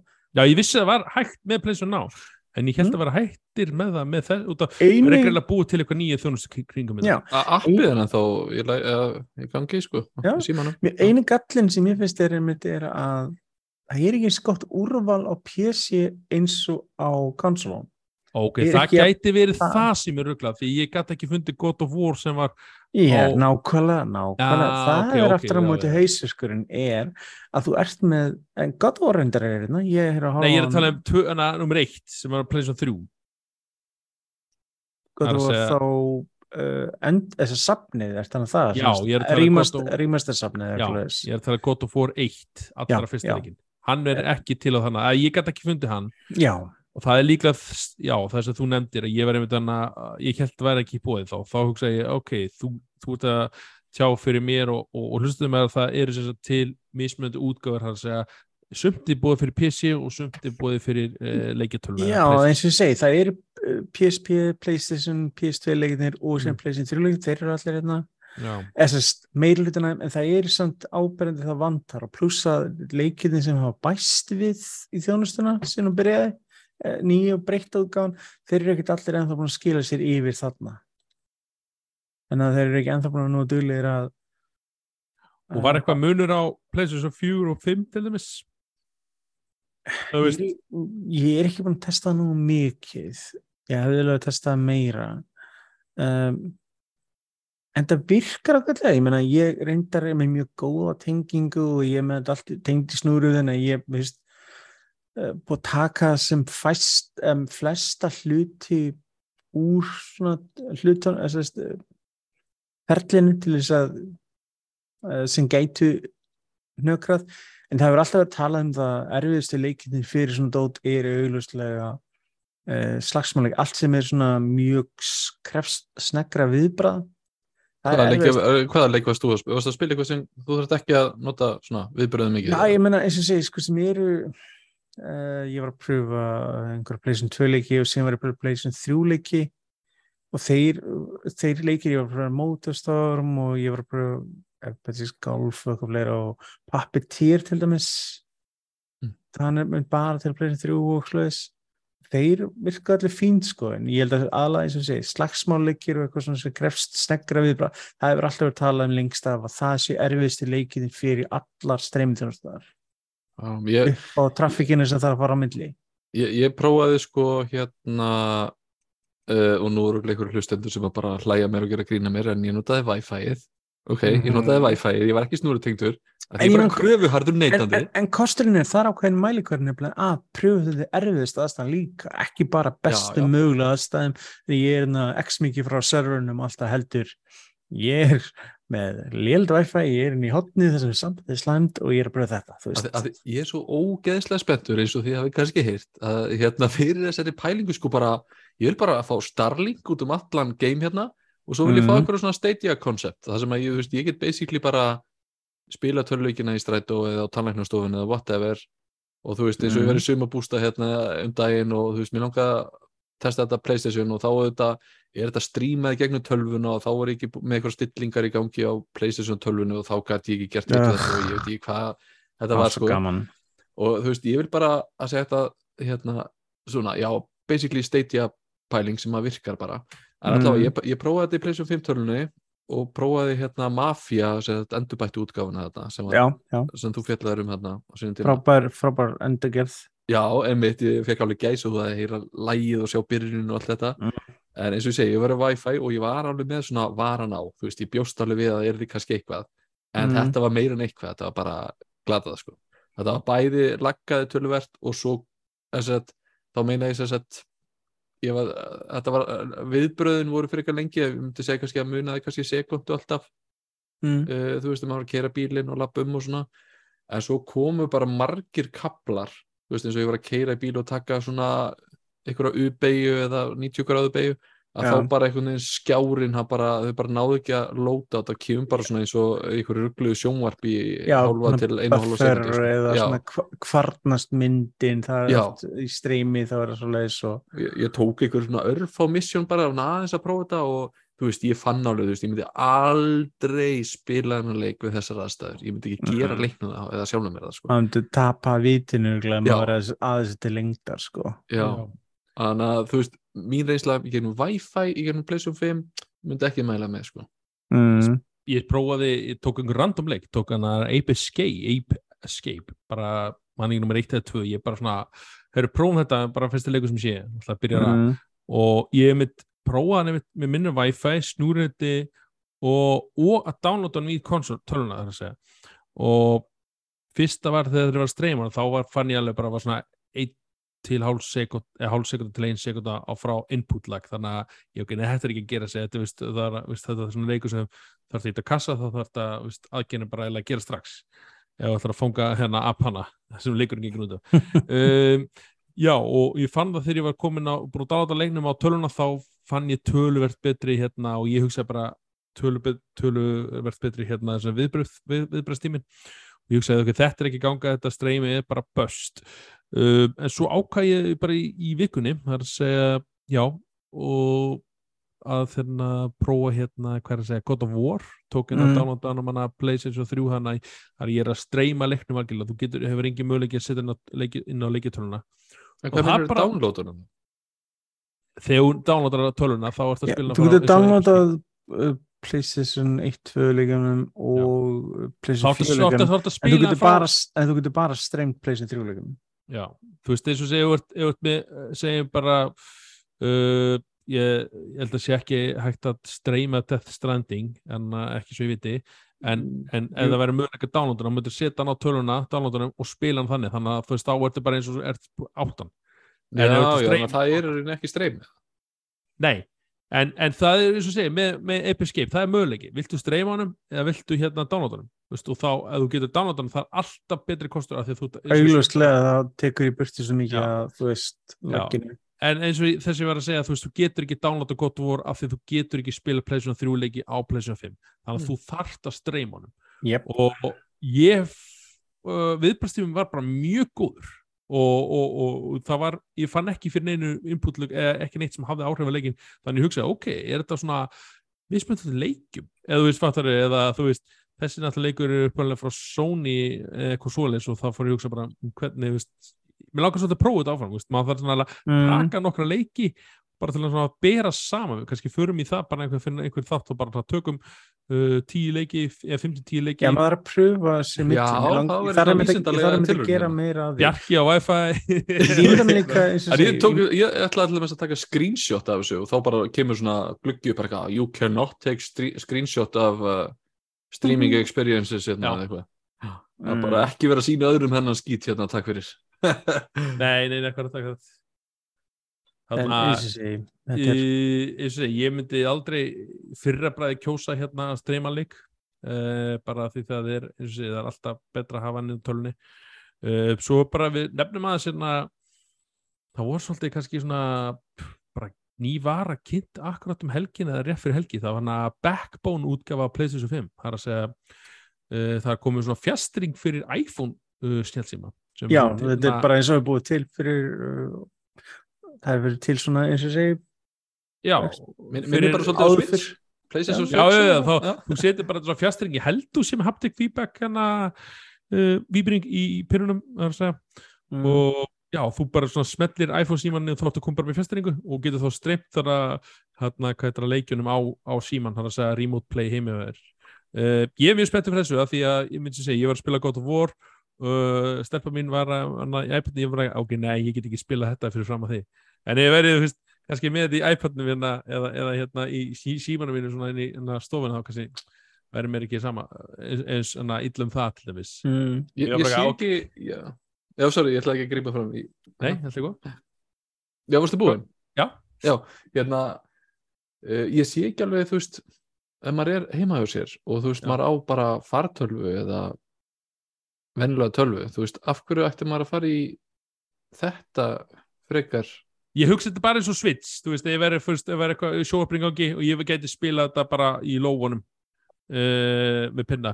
Þetta, þetta kostar alveg 100 dólar sem er uh, kringum ykkur, 14 Hvað? skall já, 14 skall, þannig að Mm. þetta er peningur og, og ég held að, ég held að, mér langar að segja fjastringin, þú hliður ekki fjastringin, hún nota batteri í símanum, þannig að það er ekki töluvert fljótt að líða, rætt að fara. og, og nú oft eru lélega batteríun á símum. Já, ég er að segja það og svo bara ennþá dreina batteri meira upp í fjastringinni þannig að ég, ég er óslega forbyttin ég veit spurði hérna Óla Jóels með um þetta hérna, með, en þá náttúrulega er þetta ekki frá PlayStation sjálf, þetta er PlayStation náttúrulega, þetta er bara svona licensed raunverulega. já, akkurat, þetta er backbone er fyrirtæki sem er að framlega fjastringa fyrir alls konar skjáltæki og þetta er svona, eins og segi, PlayStation license þannig Já, að, og bara iPhone, ekki Android sko. nei, nei, ég, ég hugsa að þetta sé bara svona, eins og segi, þetta, þetta byrja bara einhverju, byrja á iPhone-u, svo kemur þetta pott þetta á Android að ef- til- að ef- til einmitt fyrir Xbox Game Pass eða til einmitt Mhm. mm alls konar bæði fyrir held í iPhone og Android Já. síma einmitt svona svipað En notkuna möguleikin of þröngur, þú veist, ég myndi alltaf kjósa að spila PlayStation 4 töluleiki með PlayStation 4 fjastringu í já. tölvuskjá eða fartölvuskjá sama Já. hér, ég myndi nákvæmlega bara nota. Bluetooth fjastringu En- og bara já, nota það með en ef ég var að fara spjaldtölvu út, út fyrir heimili mitt þú veist, ef ég var að fara einhvert í ferðalag þá var ég til í, en það virkar ekki þannig sko. Nema þá alltaf streymir gennum netið eða veist, remote play, en ég veit ekki það verður gaman að tjekka viðbröðstíma á því hvort það hefur Já, Já. rétt, rétt Amma, hérna, en, en það er rétt en ein, eini tilgangurinn sem sjæði fyrir mér er mitt en að ef hana, eitthvað er í gangi í sjórpinu og ég verð til að bara svona taka eitt lítið sesjón í þessu leik en, að- en sem segir, Mm. það er ekkit meiri rammið utan um það, þú veist, þetta er ekki svo switch að þú hérna, þú veist, þetta spila leikin on the go bara á, á anna handilt þar að tölvan í lóinu heldur er þetta svolítið takmarka við að internet og tengingar þannig að uh, eins og ég var forveitin að sjá svo eins og, eins og þú nefnir þá er takmarka hérna nótgöruna svolítið svona af uh, en, en, en það sem ég hef líka að hugsa um hérna, þetta er svolítið svona í rétta átt því að uh, ég ætla ekki að segja jú, ok, við vitum því, streymið er framtíðin að einhver leiti, sko, við sjáum það bara með hvernig Microsoft er að keira hérna cloud uh, lausninu og svo leiðis en Mhm. þetta er, finnst það flott að sé að koma víst, na, víst, Sony er að greinlega að hugsa, hei, við þurfum einhvern veginn að að fókusa á, á snjálfsímamerkan þetta gæti verið innlegin inn í það skilur þannig að Já, þetta komi- myndi ég ekki segja það. Eða, þú veist, þú þarft að eiga PlayStation 5 leikjatölvu. Já, á vísu, en ég er að segja, þetta gæti verið, þú veist, ef þetta verður svona, ok, þetta verður, ég veit ekki hvort þetta verður eitthvað svona hittari, ég segi það, en þá kannski getur komið eitthvað kannski kringu box sem þú getur það kannski að farast með til að vera með, þú veist, þú þurftur alltaf að streyma eða einhvern veginn í leikjunum uh, á milli, en það er Mhm. það, þú veist, þeir, þetta hef- hafa það alltaf verið bara frá PlayStation 4, þá hafa þeir alltaf verið, sko, uh, fronturinn í remote play, þú veist, fara að segja, þú veist, uh, að streyma leikinu frá leikitölunni, bara já, bara sama á Wii U var að gera náttúrulega við gamepadin á milli en, en þeir eru svona þeir eru svona þar á milli, svona dansa á línunum myndi ég segja, með PlayStation uh, og það er margir svona fítusar eins og þessu bara, ég, ég veit ekki hvort þeir tekið eftir fítusum sem voru allir hérna síndi fyrir PlayStation 5 hérna var að tala um hérna þú veist, vinið getur tekið við spilunina og þú getur spilað saman og eitthvað. ég hef aldrei notað ein, einasta fítus ég hef aldrei notað þetta en ég hef séð aðra gera og mér finnst þetta skondin svona Þetta er svo, svo fyndið, hérna, við erum með 15 möguleika þið þetta er að um um þetta Xbox nöldi líka svipa, dæmi. Þetta er mjög skondið þetta heitir allt annað en þú af veist því að þetta var svona sul, eh, ég vil ekki setja sulu tricks þetta var bara, ok, þetta er ógeðslega cool. Ég er alveg samanlega, þetta hljóma svo, svo sko. tvö ára sitta bara, eitthvað, af hverju ætti ég að nota þetta? Þú veist Þetta hljómar ennþá cool sko, þú veist að segja Ég þetta, segi að það segja ekki, maður bara gleymir þetta sér til bara Já. eitthvað, þú veist að vinniðin getur svona fylgst með þið og, og bara að joina leikin þó hann eigi ekki leikin og eitthvað svona dót maður svona æði ekki, það kannski maður er svona ég vil ekki segja einagra, maður er svona veist, að vera að tala um hérna, veist, flesti vinnum við spila leikin upp á social aspects, það er að segja að taka hérna spila fjölspilunleiki saman og, en ég bara, veist, þú einhver segir, nei, ég nenni að spila eitt leikur við sjálf mig, ég bara, ég er nefnir það ég vil spila bara einn í næði, ég bara ég, ég vil ekki hafa einn innveita leiki minn. Svo Deathloop var að brjála eitthvað svona, var eitthvað að herja leiki minn og drepa mig bara slökpa á þessu fítus tala ekki veldir ring bara hvað er í gangi? Farðu út mm, nei, nei, þetta er, þetta er, skemmtileg svona innlegging og hérna eh, langar bara svona bæti þessu við að því að þetta kom bara svona heitt í vikunni og ég er alltaf að sjá þetta á Twitter þannig að uh, PlayStation Backbone. Uh, fyrir kannski uh, mjög hrætt yfir það náttúrulega er beta í gangi hjá PlayStation 5, það er að segja að koma loksins 1440p eh, stuðningur fyrir hérna sem eru svona hvað sem er, fyrir monitor, fyrir svona sem eru með tölvuskjá þetta er þetta, það er Já. margir kannski sérstaklega ólingar og fleira sem veist, hafa Já. ekki endilega sjónvarpinnu þess en eru með tölvuskjá og og mjög margir af þeim góðu tölvuskjá stiðja með 1440p og það var mjög aðstaldið með þeirra að PlayStation 5 kom út að.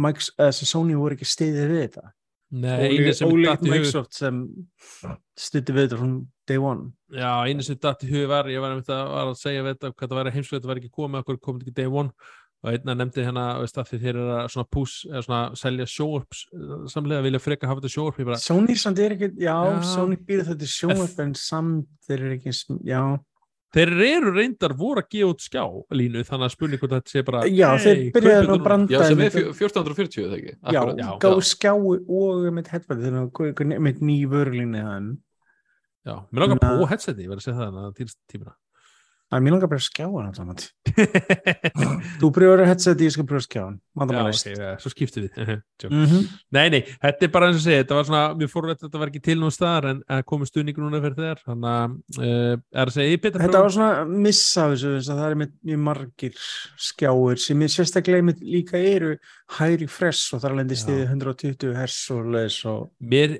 hefur alveg kittla að kaupa mér svona alveg gamingskjá fyrir mig að því að þetta búnaður sem ég hef nú með þegar með PC er svolítið úreldur þannig að þá er hugsa ég hvernig þú veist, mér langar líka svolítið geta að supporta hérna stutt við hérna PlayStation 5 það er að segja í bæði góðu gæðum og, og, og jável 4K eða HDR og, og samt og kaupið góðu- bara LG OLED sem, sem stiður þetta allt saman Nei, ég er að segja, þú veist, ég er að tala um í, Nei, ég er að tala fyrir PC tölvu. Ég veit það og notar það sem Vandamál Nei, nei, nei, nei, Ég er ekki að fara að vera með, hvað, hvað 32 tómur, að fyrir 27 hámarkja mér, sko. 40, hvað er það maður? 37 Ekki hlust á djöfulinn. Þú eru að hugsa stærra. Hætti þessu Já, en þú veist, ég er að nota, ég er að nota fyrir PC gaming, þá viltu En- ekki hafa þetta óstór, sko.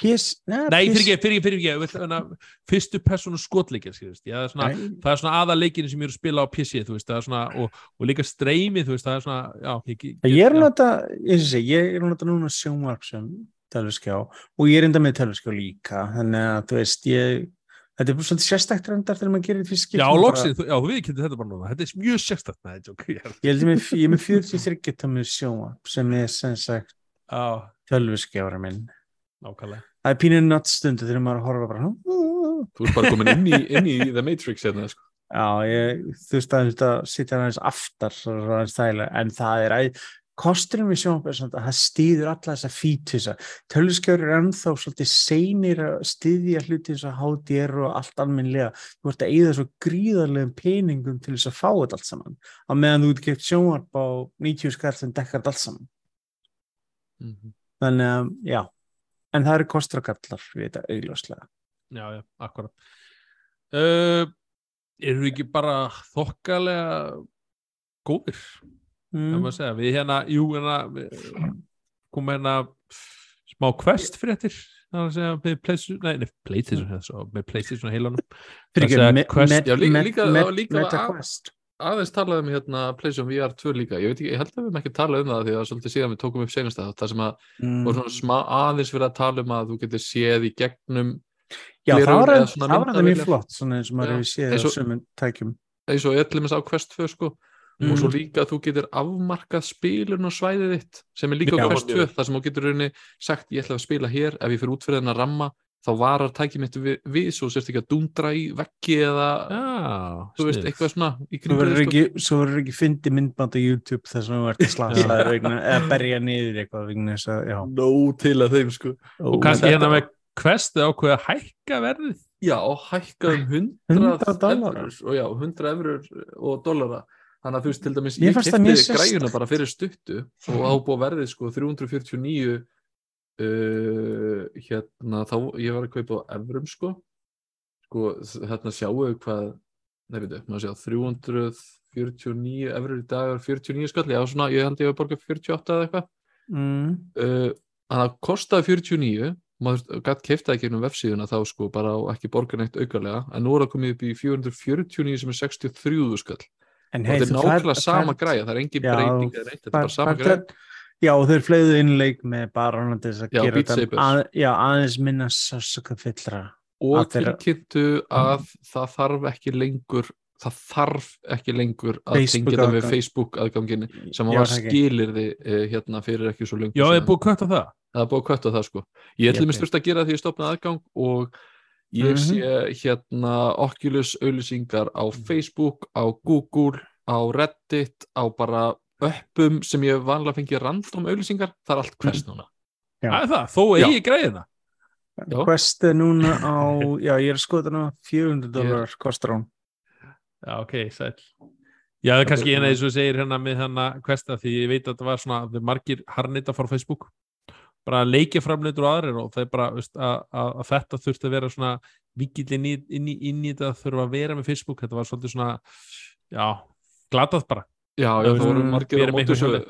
en á sama tíma eru önnur fyrirtæki vanlega að safna svipiðum upplýsingum um því það er bara Facebook Já, já, hvernig- það er bara Já, það er, veist, þeir hefur gert það öðru sér líka þó, þó þú þurfi ekki bara frikinn Facebook skil, það er svona En, en þrátt fyrir þessa miklu hækkun að þetta er alveg cirka 30% hækkun bara af því bara að Mm. þú veist það er reynd að tala um þú veist að hérna hluti kosta meira en að gerði hérna fyrir stundu Efniskostnaður, ég meina fyririldi blakaði vangjanum í Kína og það var allt dýra þetta er og það, það var ástæður. talað um sko bara hvernig get, geta þið selt þetta svona út í sko 349 uh, eurur eða dollara því að hérna, þetta er bara svakalega Bara- lágt verð. Og Já, þrátt er fyrir bara að hækka Facebook var að geta kostnaðin bara eins og og þrátt er. fyrir að þessu er búin að hækka um 100 dólar eða 100 eurur að þá er, þá er þetta samt ennþá áberandi ódýrasta græjan á þessu sviði svona sem býður upp á svipaða möguleika.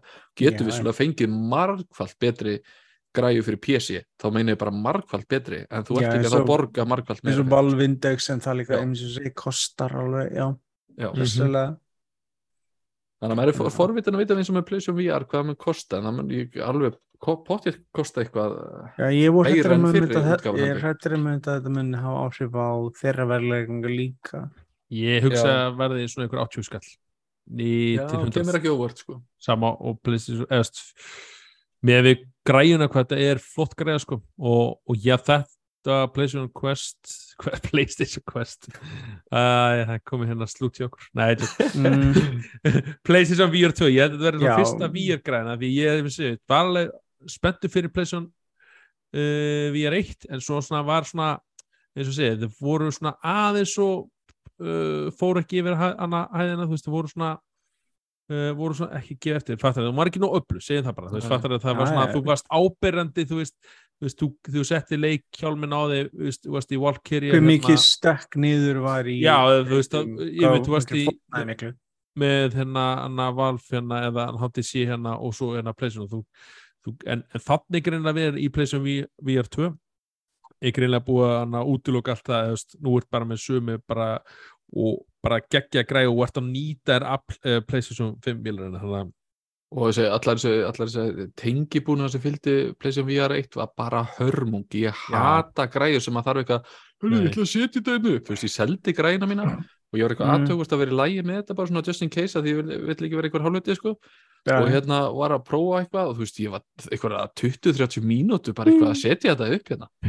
Þú veist, þetta er glata. Þetta, ég hugsaði, þú veist, ég setti þetta á hausin á mér og ég sagði, ok, þetta er reyndar ekki, þetta er alveg ábyrjandi betra hérna í PlayStation 5 ég er bara að verða að segja það, þetta er bara miklu flottar í PlayStation Ok. 5 en það verið fjögur.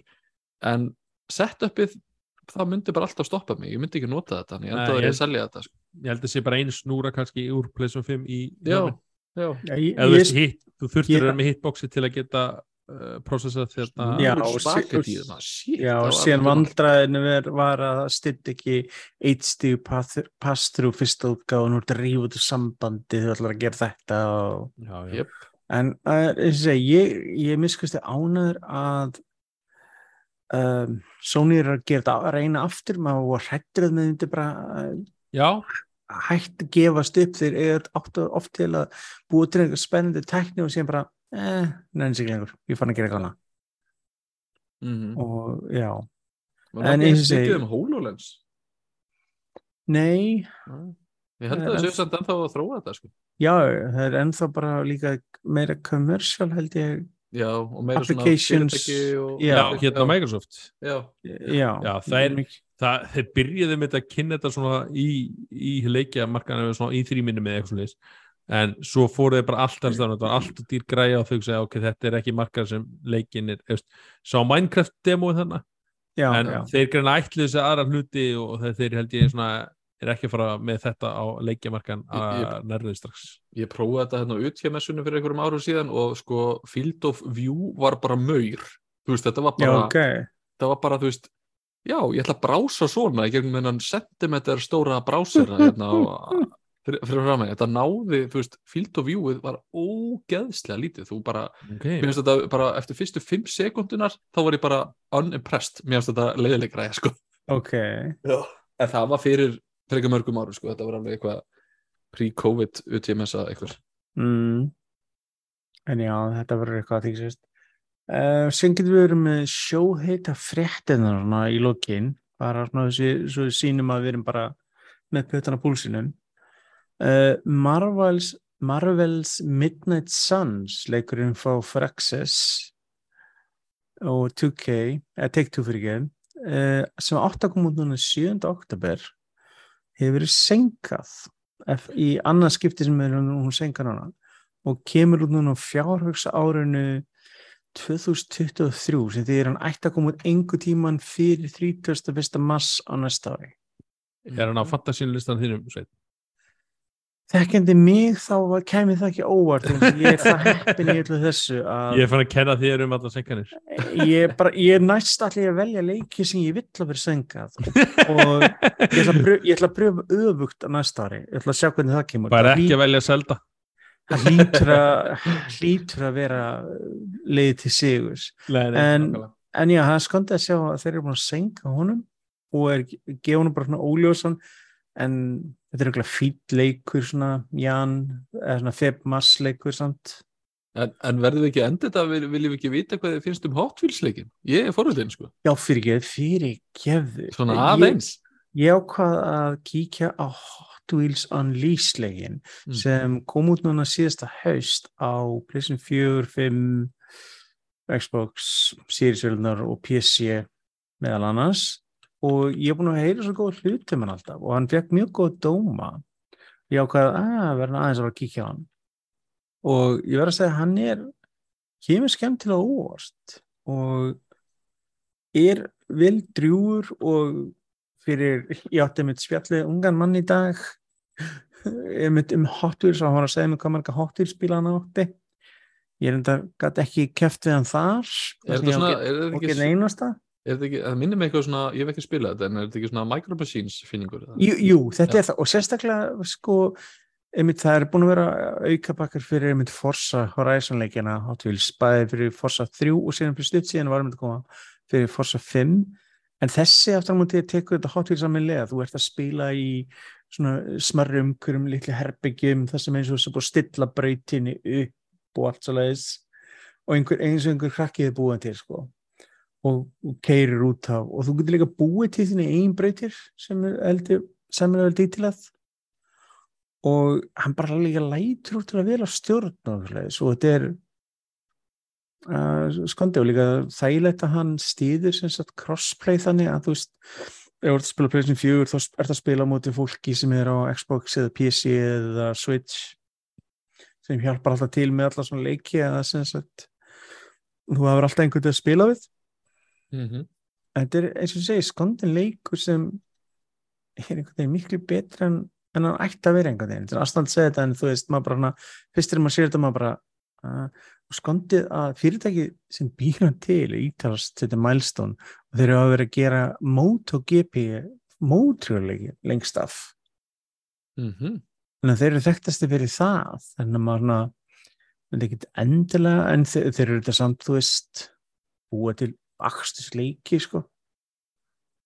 Og eins og segja, ég hef búin að spila Playson 5 útgáðan og hann bara nokkuð flottur sko. Eina sem er svekkjandi, ja, svekkjandi að skondið að þessi leikur stiður ekki neitt svona uppfæslu dæmi frá Playson 4 eða 5 eða neitt svo leiðis það er bara, kaupið bara Playson 4 útgáðana, 5 útgáðana og já.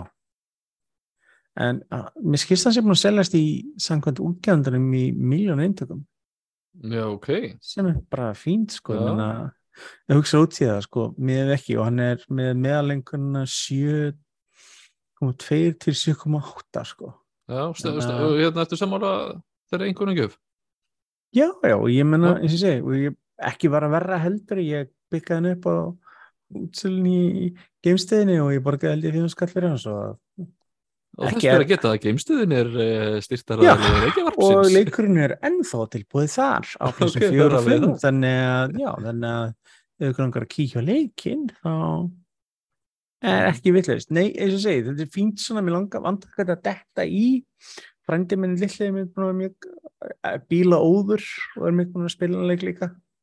Þarf þetta að vera inn í þessu Hot Wheels eða er þetta bara svona E- enga, gaman? enga veginn, enga veginn. Það er bara Ég man alveg eftir nefnilega því, þú sko, Micro Machines var svona, þú veist, þegar ég var ungur svona, já, ég man einmitt eftir hún líka það var einmitt, já og það var einmitt svo gaman að, veist, að vera í einhverju svona bílaleik þar sem að, þú veist, raunveruleikin var, það var allt svo Já, stórt, það, veist, já, það, er, það, er meitt máli, þú ert að, einmitt að keira um svona umhverfi sem ég eru öll einhvern veginn svona út að spila í kallaranum og eitthvað svoleiðis. Já.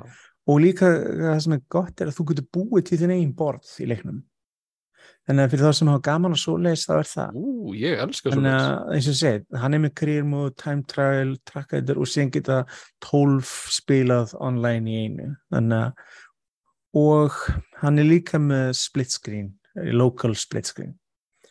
Þannig og og segi, hann er til á Switch, PC, PlayStation 4, 5, Xbox svona já, og hans, og ég segi, mér fannst mér það að loksins þegar Sony ákvað að slaka á þessu dæmi með crossplay að það nú getur maður spilað á móti öðrum og verður ekki takkmarkaður á á hvaða plattformum maður er á.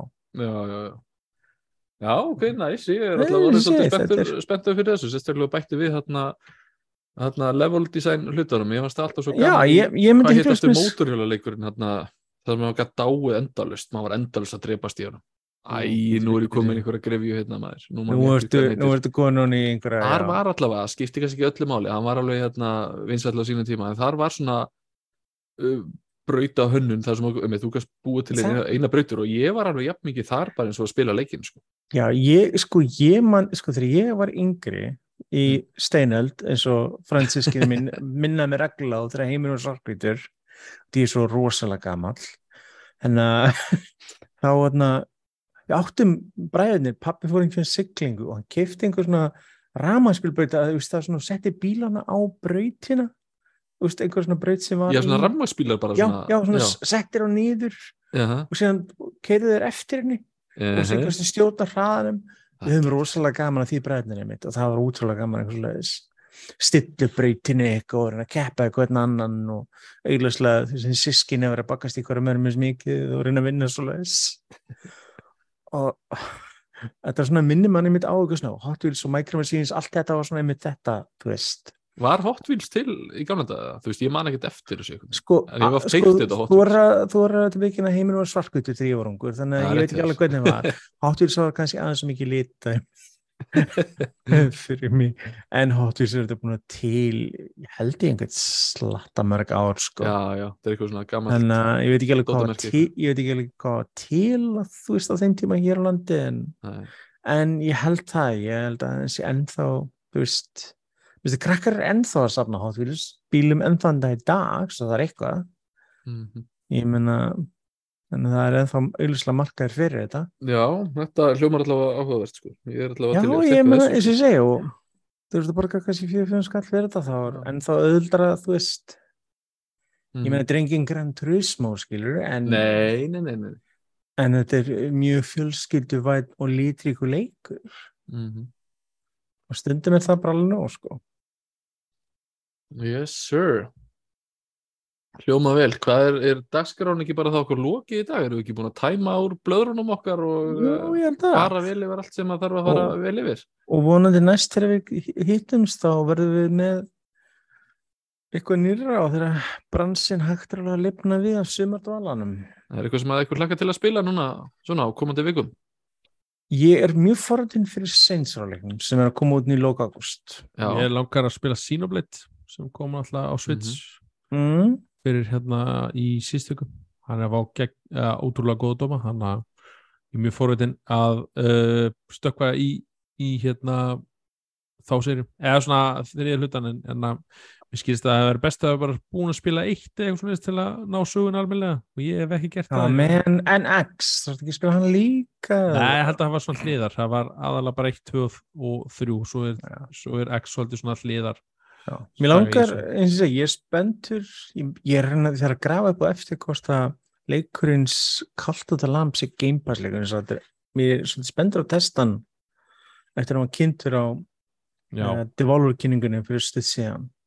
Uh, forréttnilegur, creepy svona indie leikur. Þess að við spilum hann með sem lamp af öllum hlutum að búa til sérstrúasöfnu þetta er eitthvað svo fyndin svona mixtúr einhvern veginn. Indi leikur eru bestir. Í samstæði við dýrið Nei, tjóka. Nei, ég þarf að sjá það ég þarf að mynda að sjá það mynd Þori ég hérna, já, ég bara þakka fyrir mig. Mhm. Uh, að sé bara svona tæmandalisti hjá mér, allavega. Ég hérna, uh, Saints Row er að koma út og svona, þannig að verður eitthvað svona, það hann er er ekki fyrir september, nei, hann Já. er loka ágúst Það er lókagúst, ok, Já. ekki. Þannig að það er og svona, síðan er þetta rétt einn og hóla mánuður í nýja FIFA svo Bjarki getur glaðst þá Fyrirgefðu- og fyrir ekki síðast í FIFA-leikurinn já, undir, já, FIFA. já. Sapgripurinn FIFA 23 sem er klánlega sapgripur aldana Ég hef samt uh, ákveðna reglum með FIFA hjá mér, sko. Ég kaupi bara eða spila annað hvern til þriðja hvern FIFA. Já, vegna þess að málið er, þetta er svona leikur sem að grípur í og spilar í tekur eitt leik sem tekur tíu mínútur eða tvo, þrjá sem að þú veist tekur hálftíma eða 40 mínútur. Mm. og þú veist eh, það var hérna Rocket League mikið og nú er það svolítið FIFA 22 og maður fæ svolítið nóg finnst mér, Já, ég veit að ég- ég myndi detti í FIFA 23 en þú veist, ég á eftir að að prófa hann eða eitthvað en ég á ekki eftir Ég efast um að 23 verið einhver bylting sko. Nei, nei, það er nú ekki Ég meina við að fáum síðan, við fáum við nýja leika næsta ári, hann heitir bara aðeins öðru í snabni en Er þetta ekki seinasti frá EA þá? Eða? nei, þeir sagðu upp samningnum við FIFA en þeir verða með EA Sports Soccer eitthvað næsta ári þannig að þeir verða bara með Heitir eitthvað annað þá væntalega eða eitthvað Ég er fútballklopp eða eitthvað. já, Já, eitthvað já. svoleiðis. þeir, þeir verða með nýja seríu en raunverulega sama seríu en bara undir nýja nafni og allir með skrítið Og- með og eitthvað svona eða nei, Svo þeir eru búin að vera að semja við helstu aðila held ég Ó, nú, Þeir eru búin að flega peningum í það en það verður einsting að sjá hvort einhver taki nafni aftur á móti. Það fyndi ef að Konami myndi actually taka FIFA nafni af því það var æðislega það kostar örugglega allt og mikið? Já, Ég, en ég, ég vissum en- að FIFA myndi ekki vilja þetta. Eða að, þess að verður samt hvort að uh, Konami, uh, FIFA verður svo pist út í EA að þau verður bara "Nú, búið til auk sínum.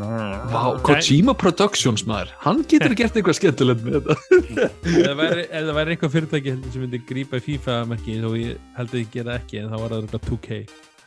En, Já, Mm. er En já, það verður- það verður interesting að sjá þess að það þarf alltaf að vera samkeppni.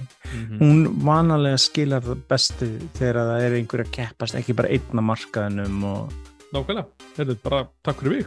takk fyrir mig. Takk sem leis